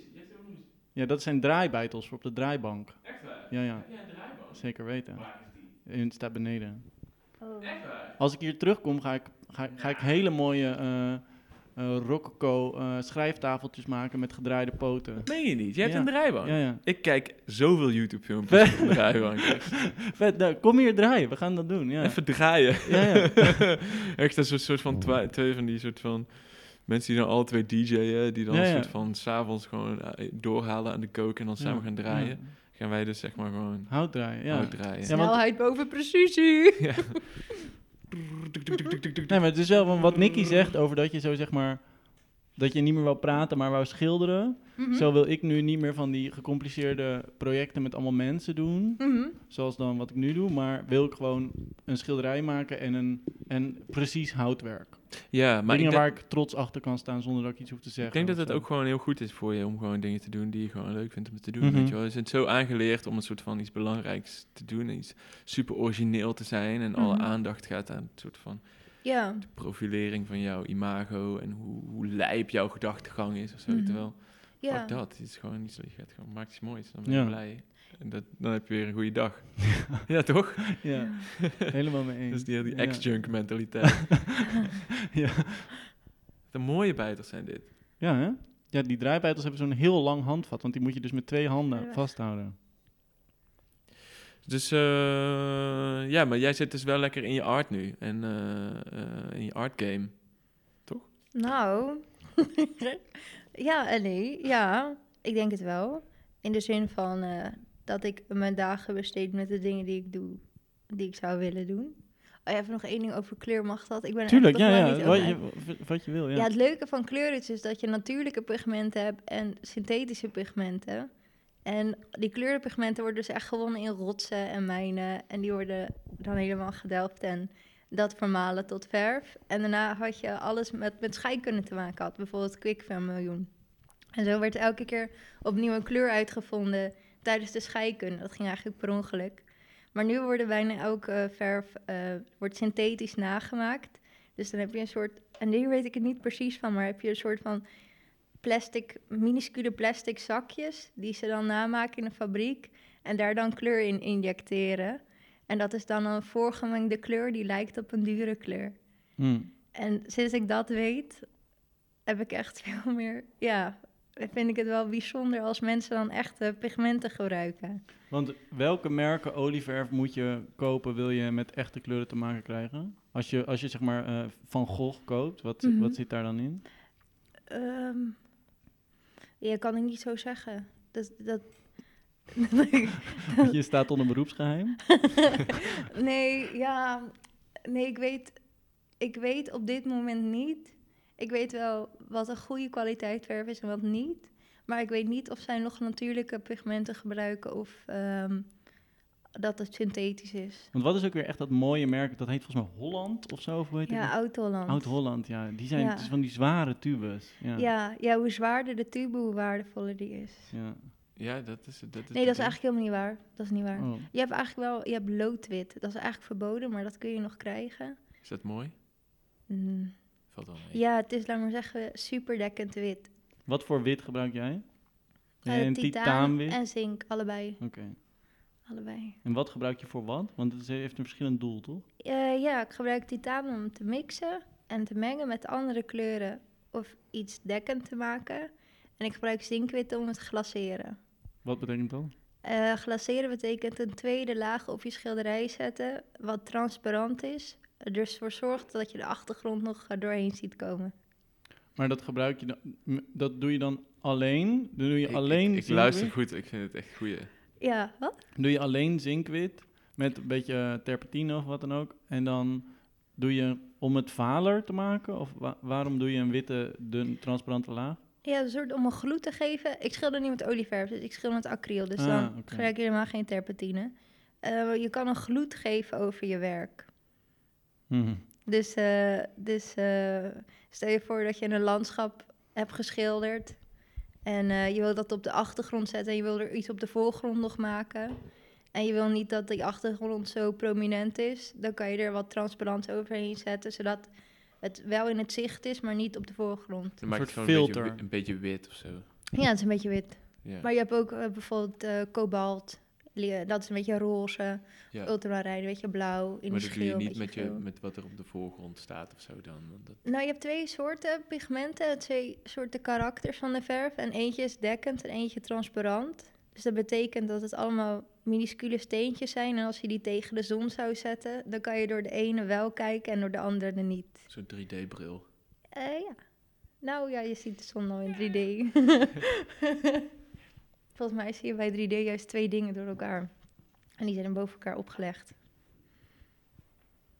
En hebben de synthetische pigmenten eh, qua kleur dus eh, eh, ook soms voordelen? Zijn er dingen uit de natuur die je misschien wel met een synthetische pigment kunt maken, maar niet met een natuurlijk pigment? Mm, nou, ik denk dat synthetische kleuren juist de natuurlijke pigmenten namaken. Eh, dus dat is een leidraad. Maar je hebt bijvoorbeeld kraplak. En dat is gemaakt van luizenbloed. Dus eh, Ah, dat doen ze ook in Fristi. eh, ja, en de roze koeken. Ja, dat, is, dat, is, eh, dat doe je dus ook in verf. Ja, ja, dat is dan een- ja, dat is een van de bijzondere. Of je hebt bijvoorbeeld kurkuma ehm, of indigo. En dat zijn allemaal kleuren die gemaakt zijn van planten. En dat zijn dus kleurstoffen. En die breken af door UV-licht. Dus die kleuren die gaan vervagen over tijd. Dus met een synthetische namaak zou je die kleur langer kunnen bewaren. Maar vind je dan in principe synthetische pigmenten minder goed dan natuurlijke pigmenten? Of wat vind je daar dan eigenlijk van?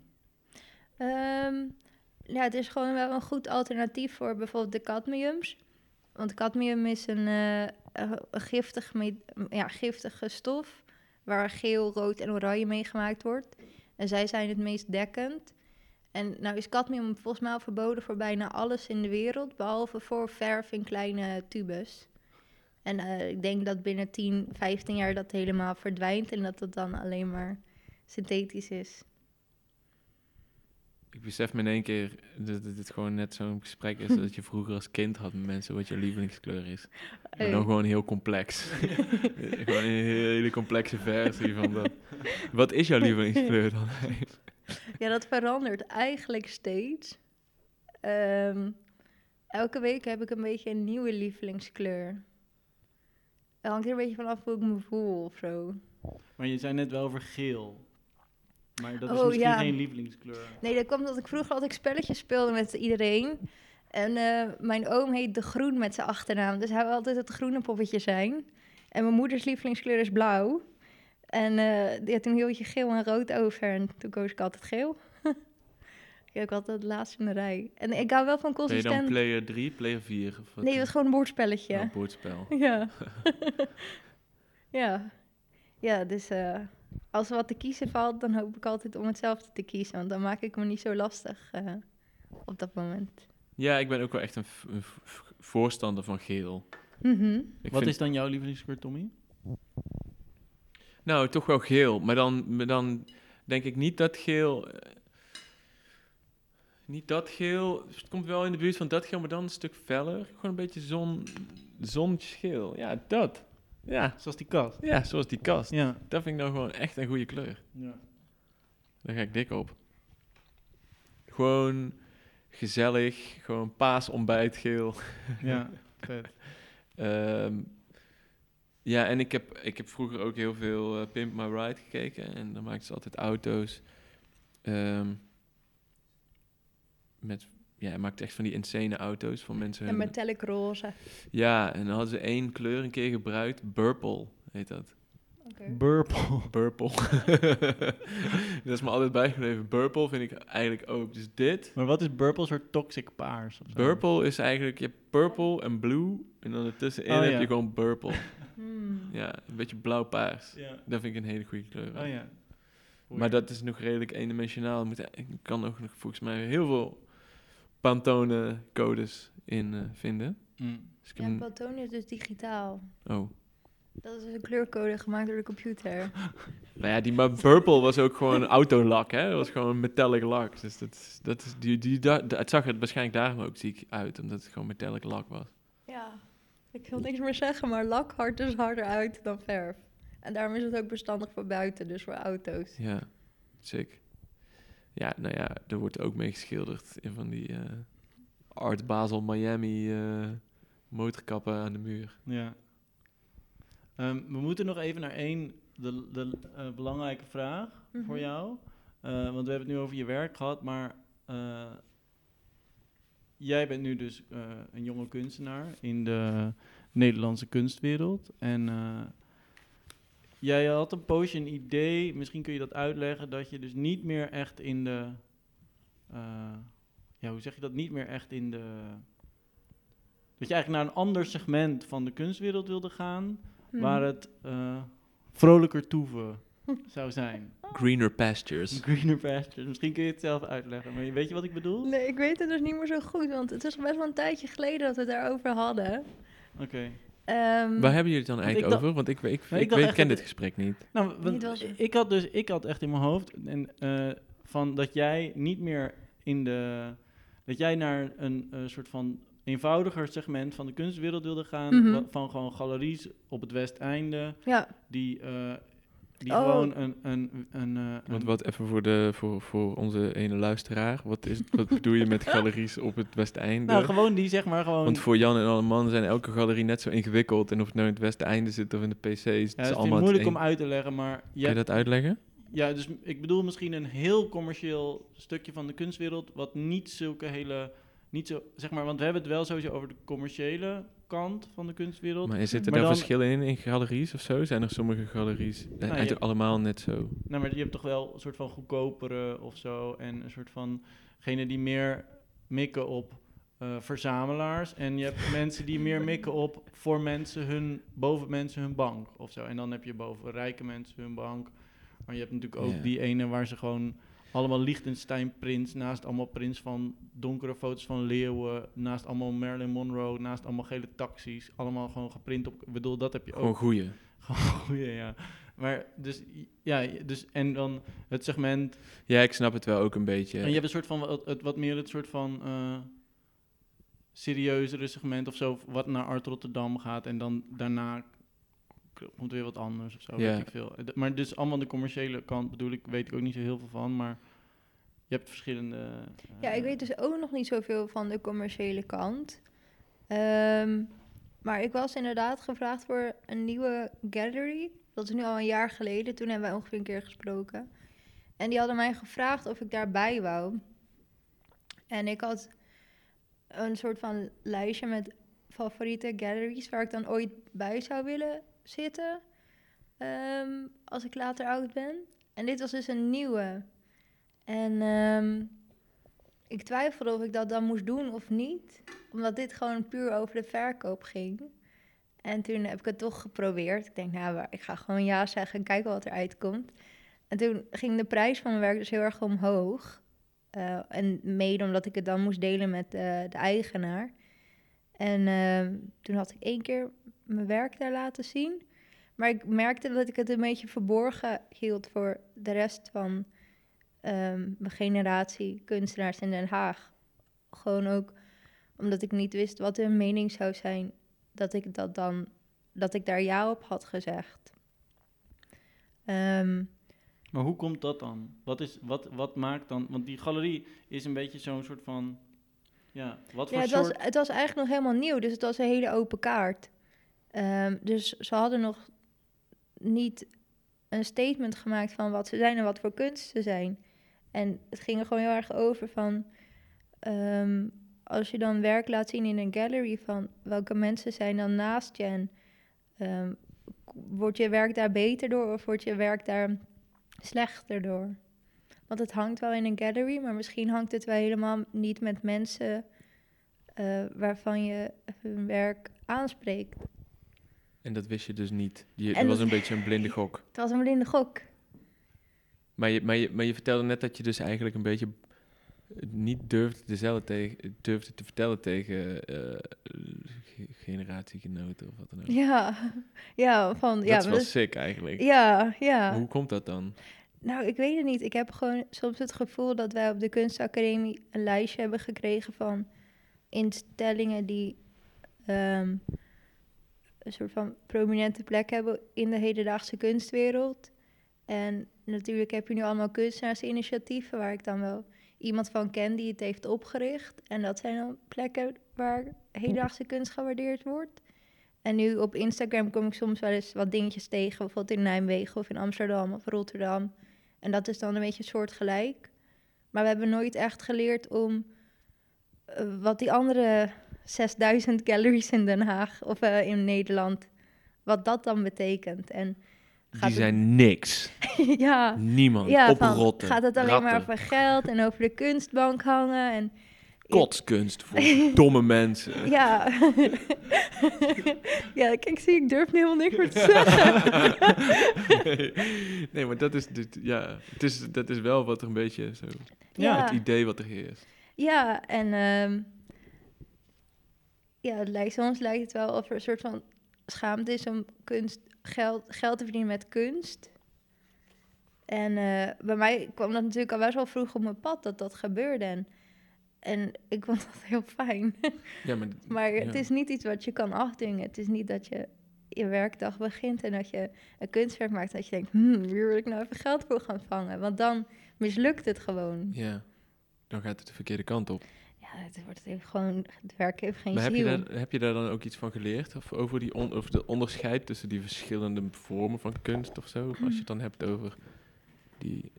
Wat Jan Dirk dan zegt, het is... eh, Boven de bank van kunst. ja, of, of heb je daar iets van geleerd of zo? Ja, ja, ik denk dat ik het pas sinds kort heb geleerd. Eigenlijk sinds deze week was mijn voorbereiding op het gesprek.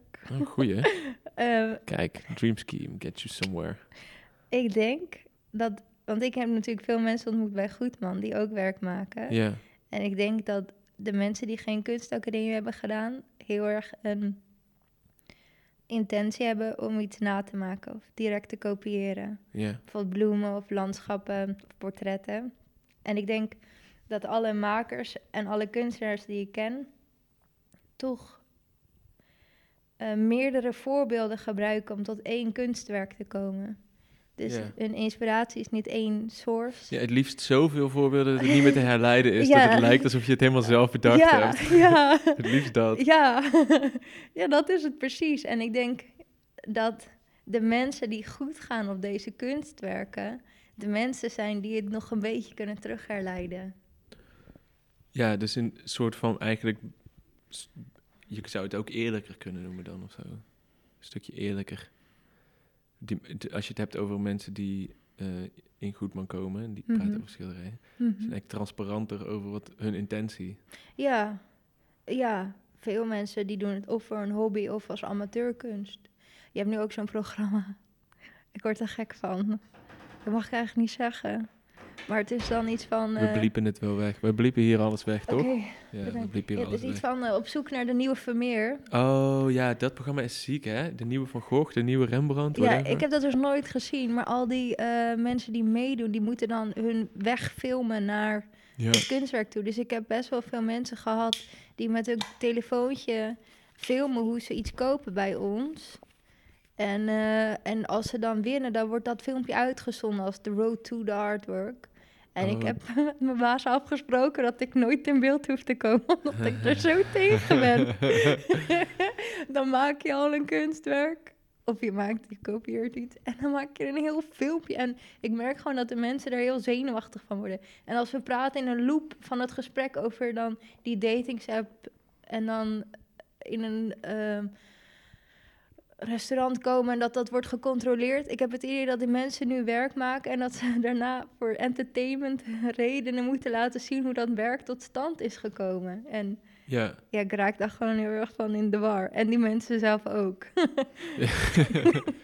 ja, En dan Geen- gaan ze dus filmen hoe ze in een goedman potjes verf kopen. ja. Waar jij dan niet bent. Nee. Waar jij dan snel achter de toonbank Ik duikt. ga altijd naar de wc. Ja. Vijf minuutjes op de wc Dat zitten, dan ze weer weg zijn. ja, maar nee, er zijn dus ook gewoon heel veel mensen die dat programma kijken. En Nee, voor maar hun is het ja. helemaal allemaal een soort van mythische wereld. Dus dat Ja. zo iemand verf gaat kopen in een verfwinkel Ja. is echt alsof je naar Harry Potter zit te kijken. Ja, en dat is denk ik de reden van dat ik heb proberen in te haken op het woord eerlijkheid. Hmm. En ik denk dat eh, voor eerlijkheid je soms niet alles hoeft te laten zien aan iemand. Om het toch eerlijk te laten zijn, Ja, denk ik.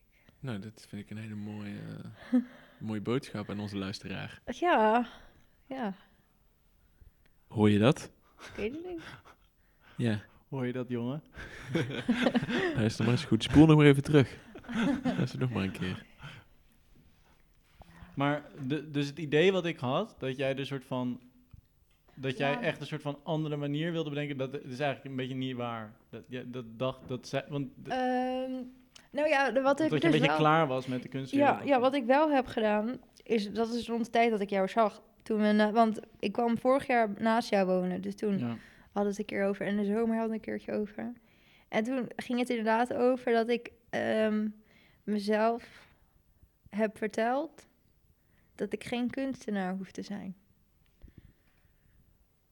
Dat was, dat, eh, dat was Ja, een, een ja. langdurig gesprek met mezelf. En Wat dat bedoel je daar dan precies mee? nou, dat komt, daar, wat ik daarmee bedoel is, ehm, ik, keek naar, ik heb een film gezien, het heet Vicky Cristina Barcelona. Ja, heel ziek. ja. En eh, Kijk, dadelijk downloaden. ik denk eh, dat ik ehm ehm, Woody Allen film, toch? Woody Allen film, en ik denk dat ik mijn hele leven heb gebaseerd op de hoop dat ik zo'n leven mocht leiden als dat van hen. En ik voelde me natuurlijk het meest verbonden met Christina, met het blonde haar. Mm. Even vergelijken met Scarlett Johansson gooien nu. Maar eigenlijk moest ik het werk doen van Javier Bardem. en, had, en had de mindset van Penelope Cruz. dus ik was een soort van gewoon... Zij zijn een soort jouw heilige drie-eenheid. Ja, Maar dat klinkt ook als een hele solide driehoek om gewoon ja, mee ja, te leven. ja. Dus, dus ik dacht van, ja, gewoon een groot huis in Spanje met mooi werk en in de tuin een atelier en dat wild gooien. Ik dacht, dat, zo zou ik willen dat mijn leven zou zijn. Als Ja. ik later oud ben. Dat dacht ik tien jaar geleden of zo. Want ik ging dus in Barcelona wonen. Toen ik twintig was. Voor een studie. Om naar een kunstschool te gaan. Dus dat zit er allemaal... De afgelopen twaalf jaar zijn al... En dat was midden in je Vicky Christina Barcelona Oh ja. psychose. Nee, iets daarna. Eh, Iets nee, iets... eh, de- de- Ik, Daarvoor. daarvoor, nee, ik, was, ik had in Barcelona gewoond een half jaar. En daarna werd ik heel erg nostalgisch naar Barcelona. Ja, En toen ging ik die film kijken om een soort van weer dat gevoel te her- herbeleven. Ja. Wat ik daar had. ja. Dus ik heb wel eh, sinds mijn 19 of zo ben ik altijd, altijd met kunstenaars geweest Ja, om me heen. Of makers. Ik wou daar gewoon heel graag bij horen. Ik vond het gewoon een heel leuk publiek. ja. Maar eigenlijk voel je dus liever een Vicky of een Christina. Vicky, Christi- Ja, zo'n Christina van, Een Christina. Toch liever Christina, maar tegelijkertijd wil je ook opgezwiept worden door eh, die, guy, hoe heet hij nou? Volgens mij ze allebei. Javier Bardem, maar dat ben je dan ook weer zelf. Ja, ja, ja. ja, dat is best wel verwarrend. Ja, dat kan ik me wel voorstellen. Ben je dan, is, want ze hebben toch de hele tijd, die twee, Vicky en Christina of zo, hebben toch de hele tijd zo heel erg ruzie? Ja, een beetje. Ja, gewoon andere wereldbeelden. Ja. Ja, ik moet hem even opfrissen, maar Ik vond Ja, het zo'n kutfilm toen ik het hier voor het eerst had Nou gezien. ja. Echt ik niet. weet, dit weet ik wat Ja, je de- dat vindt. Ja, ja. Maar, maar in mijn herinnering is het langzaam wel soepeler geworden. Ik ga echt zo dik op al die soort van, die contemporary eh, Woody Allen's. Ja, ik ook wel. Ja, Ik- ik ook. Midnight in die Paris. heb ik laatst voor het eerst. dat is waar ik gewoon mijn identiteit Ja. gebaseerd heb. Midnight in Paris. Dat Ja. is gewoon wop. Die Maar is die gewoon Owen Maar die Wilson Owen- is ja. gewoon zo'n vette ja, gast. ja, zeker. Hoe? Hoe heb jij je... Hoe, heb je, hoe eh, heeft jou geïnspireerd dan? Of hoe, hoe zie jij jezelf in hem dan?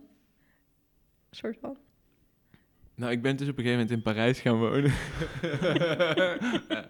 Nee, ik woonde op, dus ook in Parijs. En, maar ik had die... Midnight Paris had ik echt al lang geleden gezien. Volgens mij toen ik 18 was of zo.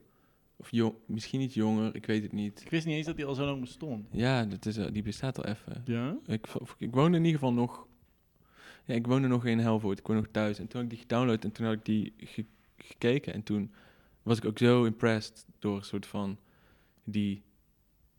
Sowieso überhaupt die stad, maar dan... er- hij komt ook in een soort van kunstpsychose, waarbij er allemaal een soort van dode kunstenaars met hem gaan chillen en zo. Dat hij allemaal met Dali gaat chillen. En, en Toen- voelde ik ook heel erg zo die drang van dat wil ik ook. dat wil ik ook doen. En dat wil ik ook. Ik wil ook gewoon eh, die, eh, helemaal in sync zijn met al die, die, eh, die G's die al lang dood zijn. En op een gegeven moment woonde ik in Parijs. En ik moet zeggen dat ik dat echt best wel voelde daar.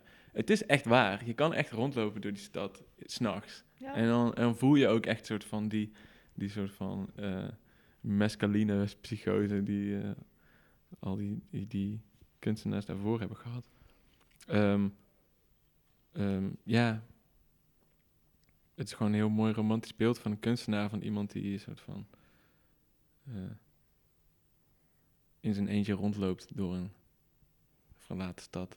heb ik eigenlijk sindsdien altijd gedaan. En ik moet zeggen dat ik dat nog steeds heel goeie vind. Ja. Shout-out. Mhm. Mooi. Maar dat wil niet zeggen dat je dus per se een kunstenaar hoeft te zijn. Dus dat ben ik wel met je eens. Dus zeg maar het hele Mhm. idee dat je dus dan ook een kunstenaar moet zijn. En dat je dus ook dus heel go- goede, me- onderbouwde mening moet hebben over dingen. En ook heel erg eh, bezig moet zijn in de kunstwereld. Dat, dat staat los van het feit dat het gewoon heel erg goeie is om in je eentje s'nachts rond te lopen door Parijs bijvoorbeeld. Of in Barcelona Rome. gewoon. In het eh, begin, het gesprek in Rome. En Ja. rondlopen in je eentje. Ja, je hoeft geen kunstenaar te zijn om gewoon dat soort vette dingen te doen. Ja. Maar het helpt op zich wel, toch? Het helpt Want- wel, want dan heb je meer. Ja, want als je gewoon een 9-to-5 baan hebt, dan, dan doe je dat toch Ja, niet zo dat is snel. waar. Het is natuurlijk wel... Dat eh, is waar. Ja. Ja. Nee, dat is wel waar. Ehm, Maar ja, wat ik eigenlijk probeer te zeggen, en ook waar jij een beetje op doelt, maar wat je er niet helemaal uit krijgt, is dat omdat ik tegen mezelf heb gezegd dat ik geen kunstenaar hoef te zijn. Oké, Ehm, bij de keuken... Maar wacht even, Tommy. Ehm, als je dan... Als je dan, als je dan door die... Het is in de deur van het trappenhuis, maar als je dan terug moet komen, dan is de code van de deur...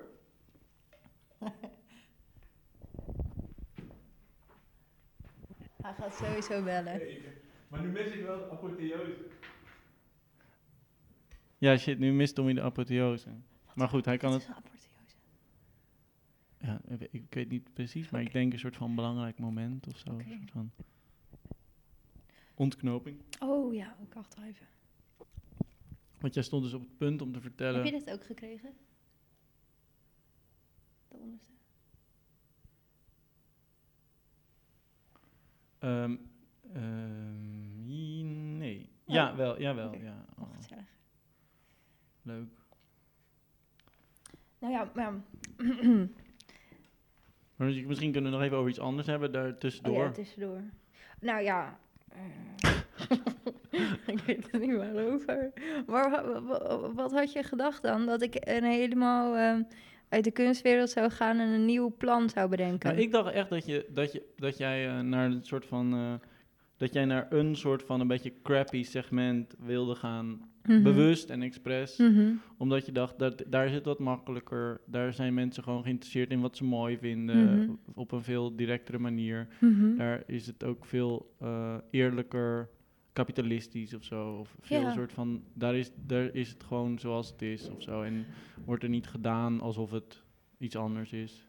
Nou ja, het is er gewoon zo alleen op de esthetiek gericht en op de waarde. Ja, Dat het. ehm, dat ik eigenlijk toen. Toen had ik besloten. Toen ik daar eventjes bij zat. Want ik wist dat mijn schilderijen, of sommige van mijn schilderijen, dan misschien beter in dat segment thuis hoorden dan in de hedendaagse kunstwereld. En toen dacht ik, wil ik dat? En toen heb ik besloten om iconenles te gaan nemen. Om een soort van comeback te maken in de kunstwereld.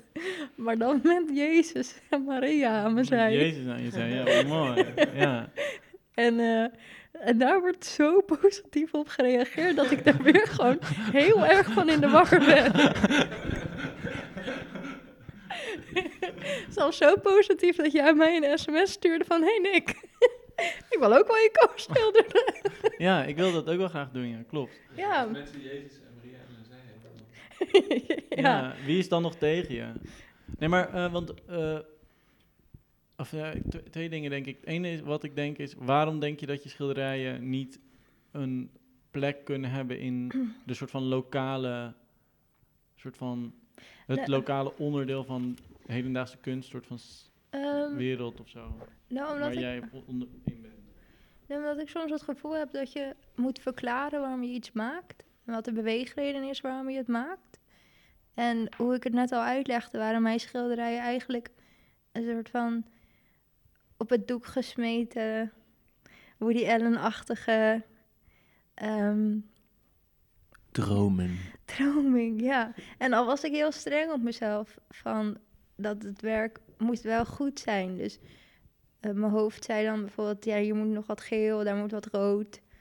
Ehm, maar als ik dat dan te netjes deed, dan vond ik het niet goed. Dus dan moest ik naar een soort staat van onbezorgdheid gaan, om het er weer op te smijten, zodat het met, hetzelfde, met dezelfde energie erop gegooid was.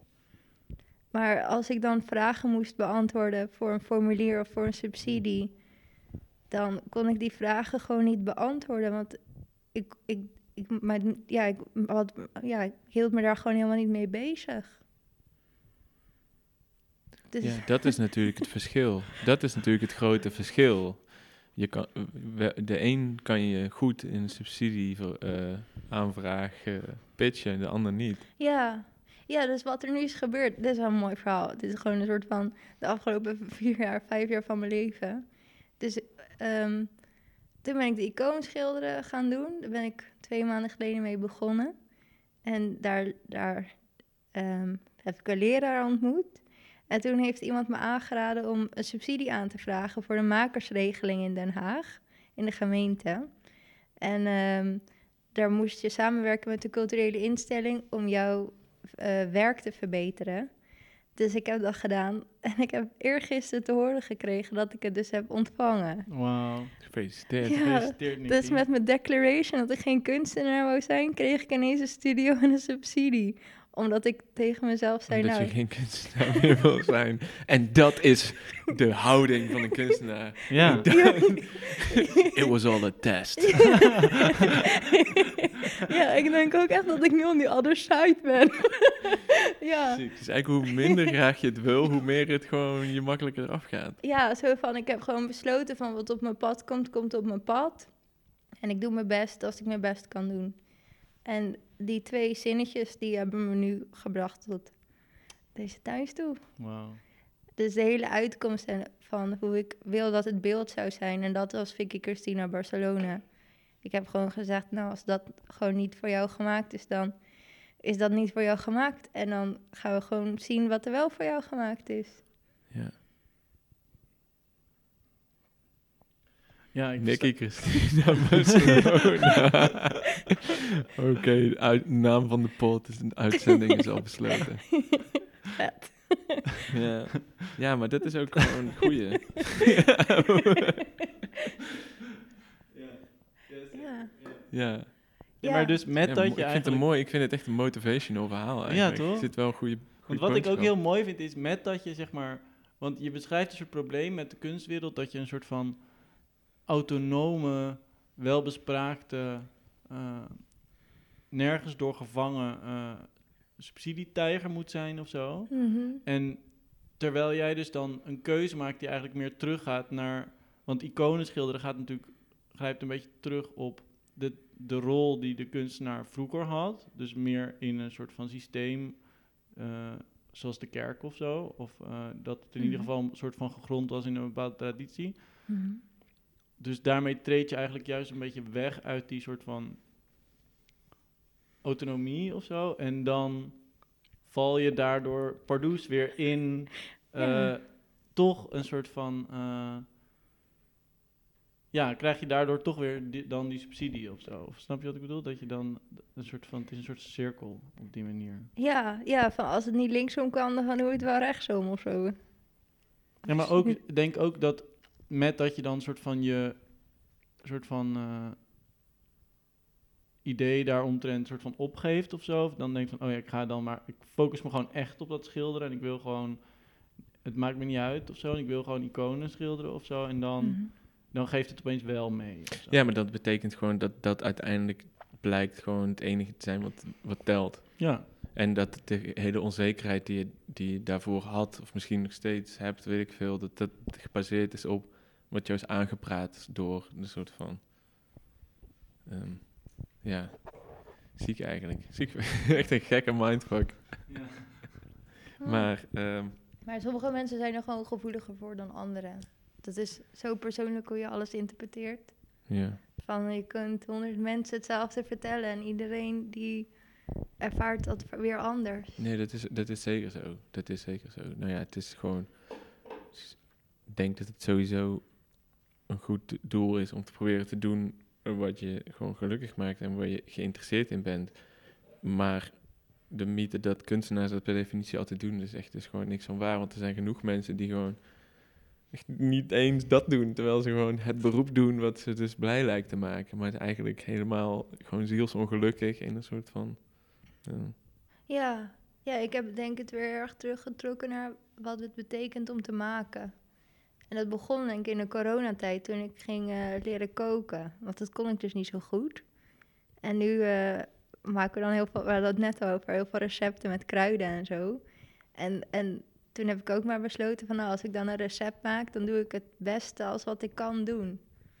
En dan toen dacht ik, nou, er is eigenlijk niet zoveel verschil tussen koken of een kunstwerk maken. mhm.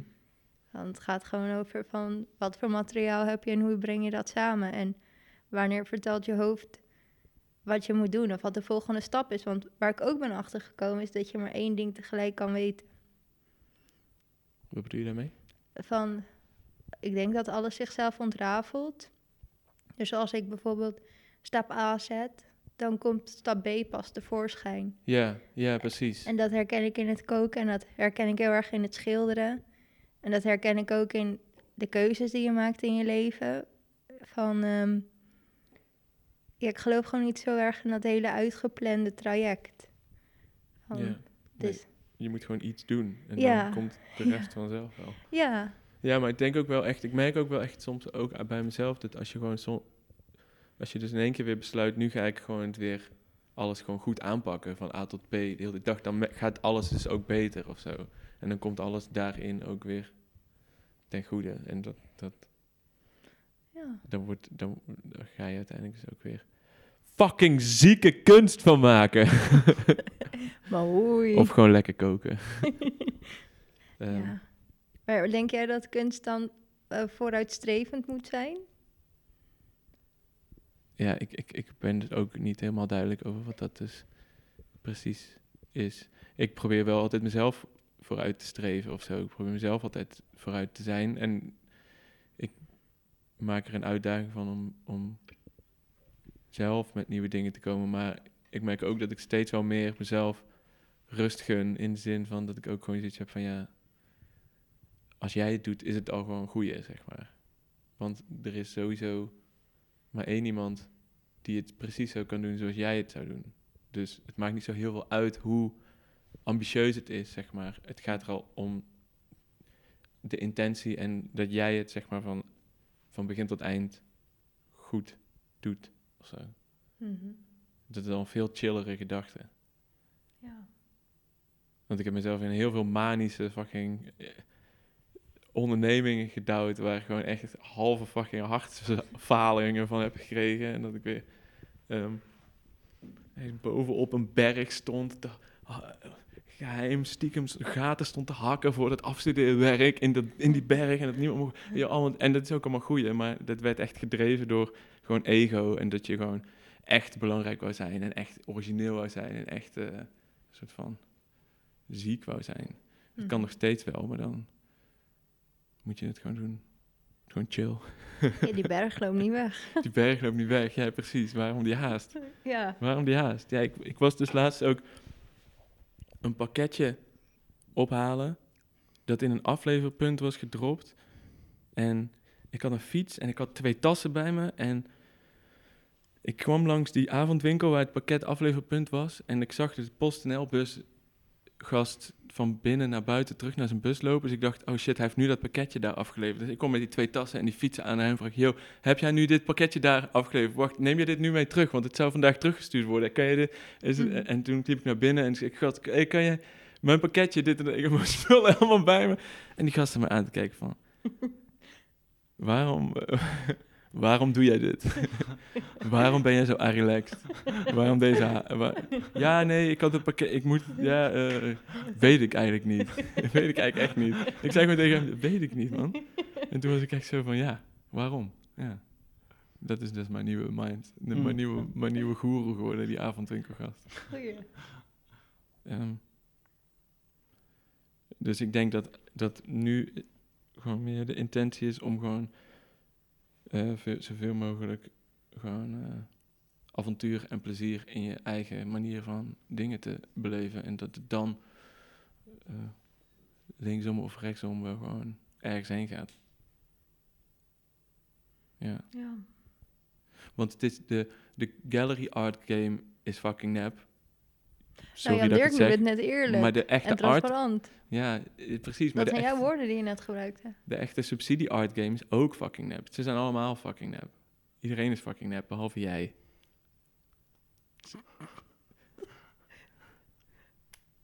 Ja. Behalve jezelf. Mm. Nou, ik weet dat nog net zozeer niet. Nee, Nee. hoezo niet? Nou, wat ik ergens dus heb gelezen, wat ik ook nog wou zeggen deze podcast, is dat dus de subsidie voor de kunstenaars de afgelopen twaalf jaar is gezakt van 90 miljoen naar 10 miljoen of zo. In eh, gradaties van de drie jaar. En wat er gebeurd is, is dat dat geld nog steeds in de kunstwereld wordt gestoken. Maar dat dat nu wordt uitgegeven aan de mensen die de subsidies kiezen. Dus aan wie ze worden verstrekt. Dus dat er meer belangstelling is voor het welzijn van de kunstenaars. En dat de mensen die daar werken een vast inkomen krijgen. En dat de subsidies die verstrekt worden minder zijn. En dat dat in het totaalbedrag weer hetzelfde geld is. Zoiets of zo. Hold up, even nog een keer. Dus de, Oh. Dus de mensen die bepalen wie de subsidie krijgt, ja, zij krijgen een. eh, het commi de committee. Ja, zij krijgen, laat maar zeggen, betaald voor hun, hun werk om iemand te kiezen. Ja, Dus je kan jezelf afvragen of. Ja, wat mijn stelling is, is maar van. dat zijn toch vaak ook gewoon eh, een soort van random kunstmensen die gewoon even een bijbaantje pakken. Oh, ik weet het niet zo goed. Ik weet niet wie dat zijn. Ik Maar- weet ook niet wie dat zijn. Nou, als jullie luisteren, meld je. Zit je Ja. in de Mondriaan-commissie? Ben of ken jij iemand? Ja. Stuur dan een DM naar Volgens mij ben ik niet Dreamscheme 070. Ja, het is wel, ik heb Oh, wel nee. eens gezien dat er ook wel echt mensen die bijvoorbeeld net zo afgestudeerd zijn in de kunstacademie eigenlijk al twee jaar later of Mhm. een jaar later gewoon al in die comité zitten. Dus het is echt een carrière move voor mensen die in de cultuursector even wat eh, Mm. koppen willen snellen. Maar wat wil je daar dan mee zeggen? Dat dat... Daar wil ik mee zeggen dat de politiek in Nederland een signaal afgeeft dat je maar beter goede kunst maakt, of anders krijg je niks. En dat. In de, ik heb nog. En dat in de jaren 80 en 90, volgens mij, dit, dit is allemaal informatie die ik niet echt heel goed weet. Maar dat er toen mensen gewoon een, eh, een, een, een, een, een maandinkomen kregen om kunstenaar te zijn. Ja. ongeacht of dat goed was of niet. Dus die mensen, toevallig de vader van een andere collega van mij, hij heeft altijd super mooie schilderijen van bergen in Nepal gemaakt. En hij hoefde dus niet te werken, want hij kreeg die regeling. Ja. Dus het is een mooi leven. Het leven is het waard. En, eh, en hij hoefde dus niet te werken. En ja, ik denk als er nou, nou 2, 3000, 4000 mensen in Nederland zijn die dan een maandbedrag bedrag krijgen. En die allemaal gewoon hele lelijke kunst maken, maar een super mooi leven leiden. Van hoe erg zou dat dan kwaad zijn voor het budget van, van het Nederlandse financiënlandschap? Van, ja, dat is waar. Maar het is wel ook zo dat, die, dat zeg maar iedereen in die regeling, ik ben even kwijt hoe die ook heet, maar ik ben wel bekend met dit deze ding. Er zijn dus echt depots vol, zeg maar, want elke gemeente werd ook, je werd ook verplicht om dus elk jaar werk Ja, te zijn werk doneren. in te Ja, leveren. ja. Dus er zijn zeg maar depots vol met gewoon trash art. En mensen gaan leveren maar wat in. En zeg maar, het heeft ook Mhm. een soort voor grote inflatie, denk ik, in wat het betekent om dan dingen te maken of zo. Dus het is, ik denk dat ergens de noodzaak om gewoon, gewoon niet een soort van basisinkomen te krijgen en gewoon maar gewoon het kut te hebben, is, komt uiteindelijk ten goede voor de ik denk dat ook, hoor. Want ik denk ook van kunstenaars die wij bewonderen allemaal. Mhm. Hoe zou het zijn voor de kunstenaars die over, over duizend jaar leven of zo, of over 500 jaar leven, als wij nu alles voor gratis zouden krijgen of zo? Wat voor, wat, wat voor, bedoel niet dat dat wat uit, niet dat je iets hoeft te maken voor de mensen over 500 jaar of zo. Bedoel je dat wat maakt voor voorbeeld je dan bent? Nee, maar ik bedoel van, Mhm. dat, zeg maar, gewoon als dat je dat kan terugrekenen van, dan, ik vraag me af wat zij dan voor eh, kanon hebben van een soort van dingen die zij uit onze tijd bekijken of zo, als wij het allemaal gratis zouden krijgen of zo. Ja, Dat nou ja, zou waarschijnlijk heel, ja, niks is gratis natuurlijk in het leven. Mhm. Dat is natuurlijk ook gewoon waar. Ja, er is uiteindelijk ja. iemand die ervoor dokt natuurlijk. En dat zijn niet de... Dat is uiteindelijk gewoon de belastingbetalende burger. ja, dat snap ik wel, maar ik bedoel van als, als, als, ik bedoel dat, ja, ja, Shout-out als je luistert, belastingbetalende burger. Thanks. Thanks voor je inzet. Drop even je naam in de DM en dan zetten we je als main sponsor van deze podcast. Dus als ze jou als testpersoon zouden vragen, dan zou jij nee zeggen. nee, nee, tuurlijk niet. Nee, ja, nee. ik, ik- ja, Ik zou dat wel accepteren, ja, zeker weten. precies. Maar je- Ja. ja. Maar ik zou wel zeggen dat een, ik zou wel, Maar wordt je Misschien- kunst dan beter of slechter? nou ja, ehm, mm, ja, een beetje moeilijk. Ik bedoel, ik vind niet dat, ehm, ik bedoel, ik geloof dat, ja, nee, nee oké, nee, ga, het even niet afmaken. Nee, ik vind, Nee. Het wel een hele goeie, ik vind het wel een hele goede vraag. Ja, ja, maar Ja. Ik, ik, ja, wat, mijn, bedoel, ik zou dan denken van, ik zou het zelf niet afslaan, maar dat komt natuurlijk omdat ik geloof dat wat ik doe belangrijk is of zo. Eh, anders zou ik het niet doen. Eh, en, En je eh, moet gewoon ik om geloof je wel. money te getten. Ja, maar, ja maar en, en dat wil ik ook doen. En ik geloof ook dat dat schemen om mijn money te getten me helpt. En dat het goed is of zo. Maar als ik het gratis zou krijgen, zou ik het ook nemen. Want dan zou ik wel geloven dat ik alsnog dan iets zou kunnen doen wat nog steeds belangrijk zou zijn voor mezelf of voor, voor iets of zo. ja. En, maar ik zou wel denken, er zijn ook mensen wiens dingen waarvan daarvan denk ik dat is niet belangrijk. ja, Ja, ja. En als je helemaal geen euro meer hebt, dan zou je uiteindelijk toch nog wel iets maken. ja. En dat zou misschien dan nog zelfs beter zijn dan het werk wat je maakt als je duizenden euro's in één keer hebt om Ja. aan uit te geven. Dat zou geen verschil uitmaken. Althans, dat denk ik soms. Ja, Maar terwijl het wel gewoon...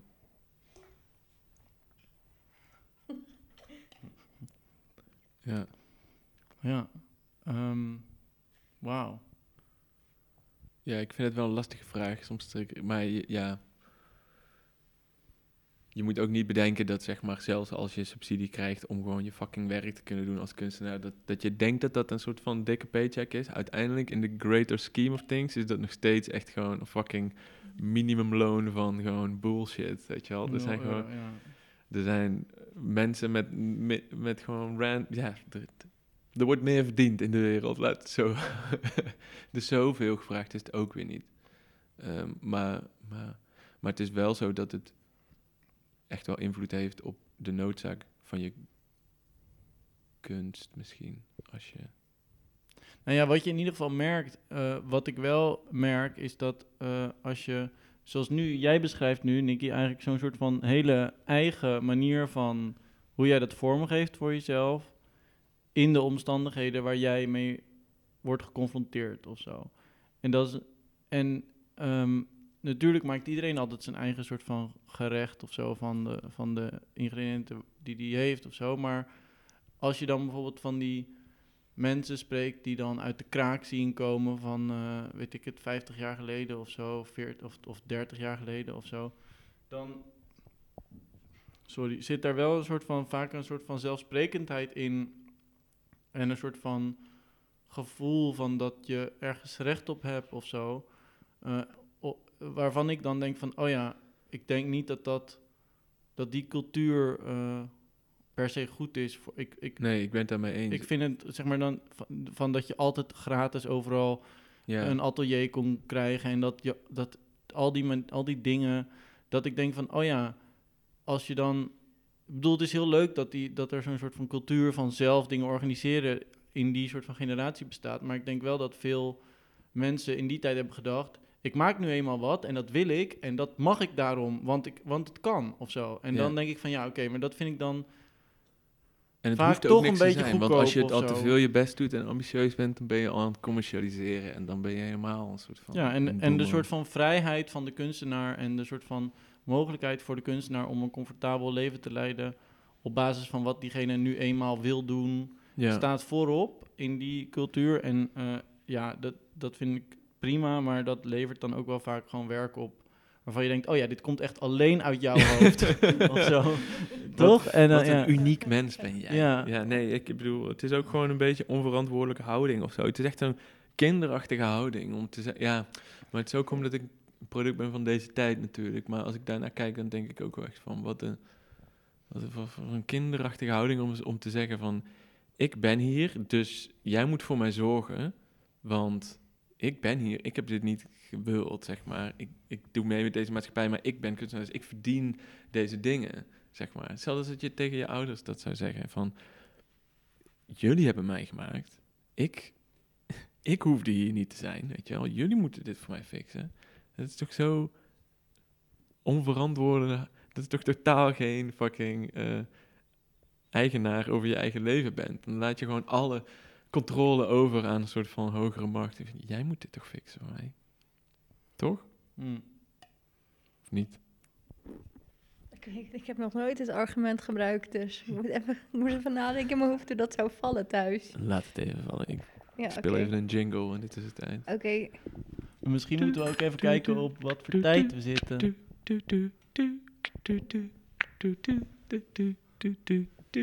Ik denk dat we er wel aan zitten misschien, of niet? Zit er ben, wel je- ben je aan. tevreden? Want jij had echt een breaking news gehoopt. Ik vond het echt heel leuk. Echt? Ja, echt heel leuk. Vind je het niet erg dat ik geen... eh, Nee, nee, nee. Eh, Alle dingen die je wel hebt verteld waren eigenlijk veel leuker dan waar ik op hoopte. Oh, Ja, oh. Ja. Oh, bedankt. Ja, ik heb daar niks aan toe te voegen.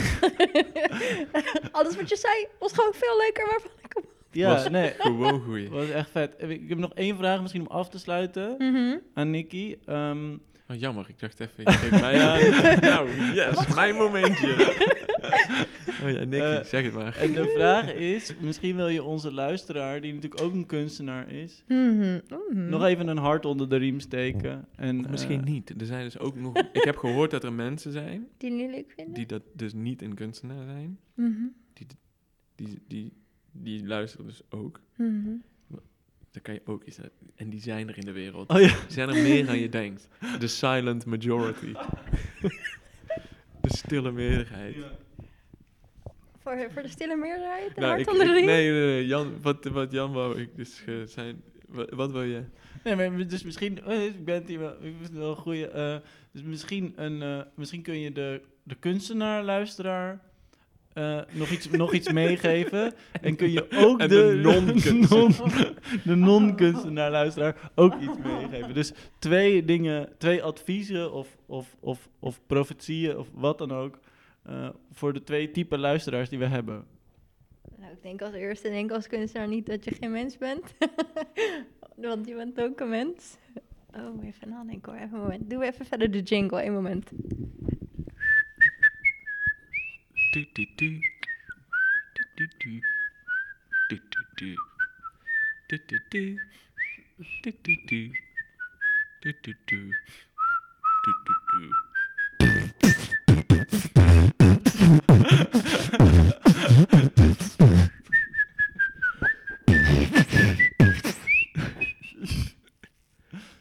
Error, error.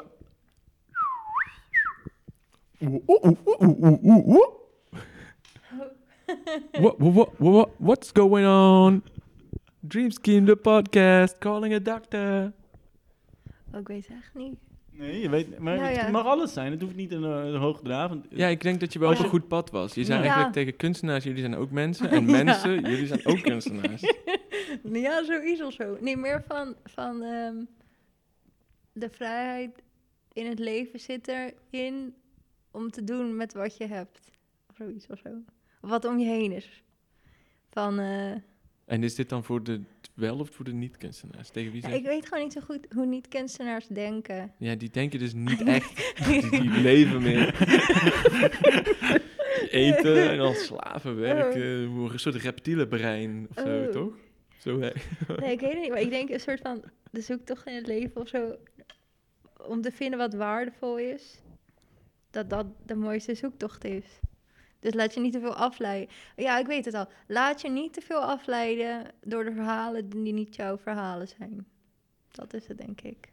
Dik. Ja, Dat is het, denk ik. En eh, zeg niet dat je leven eh, niet goed gaat omdat je het nieuws leest of omdat er dingen slecht gaan in de wereld. Maar kijk echt naar wat er wel goed gaat in, in een heel kleine schaal. Dat zou ik tegen alle mensen willen zeggen. En Ja. ik denk dat als iedereen dat dan weer tegen elkaar zegt, dat, dat er weer een grote schaal komt van hoe goed we het eigenlijk hebben met elkaar. prachtig. Dankjewel. Bedankt. Ja, bedankt. Heel erg bedankt, Nicky. Ja. Ik moet zo nog naar de wc. Oh. Ja, Oké. oké. Jij ook bedankt, Tommy. Ja, jij ook Keep bedankt. on dreaming. Give a scheming. Allee.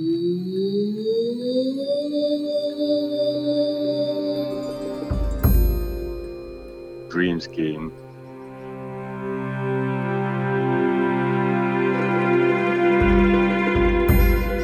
Dream scheme.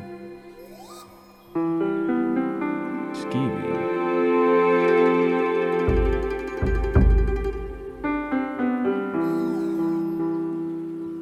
Dream scheme. Scheming.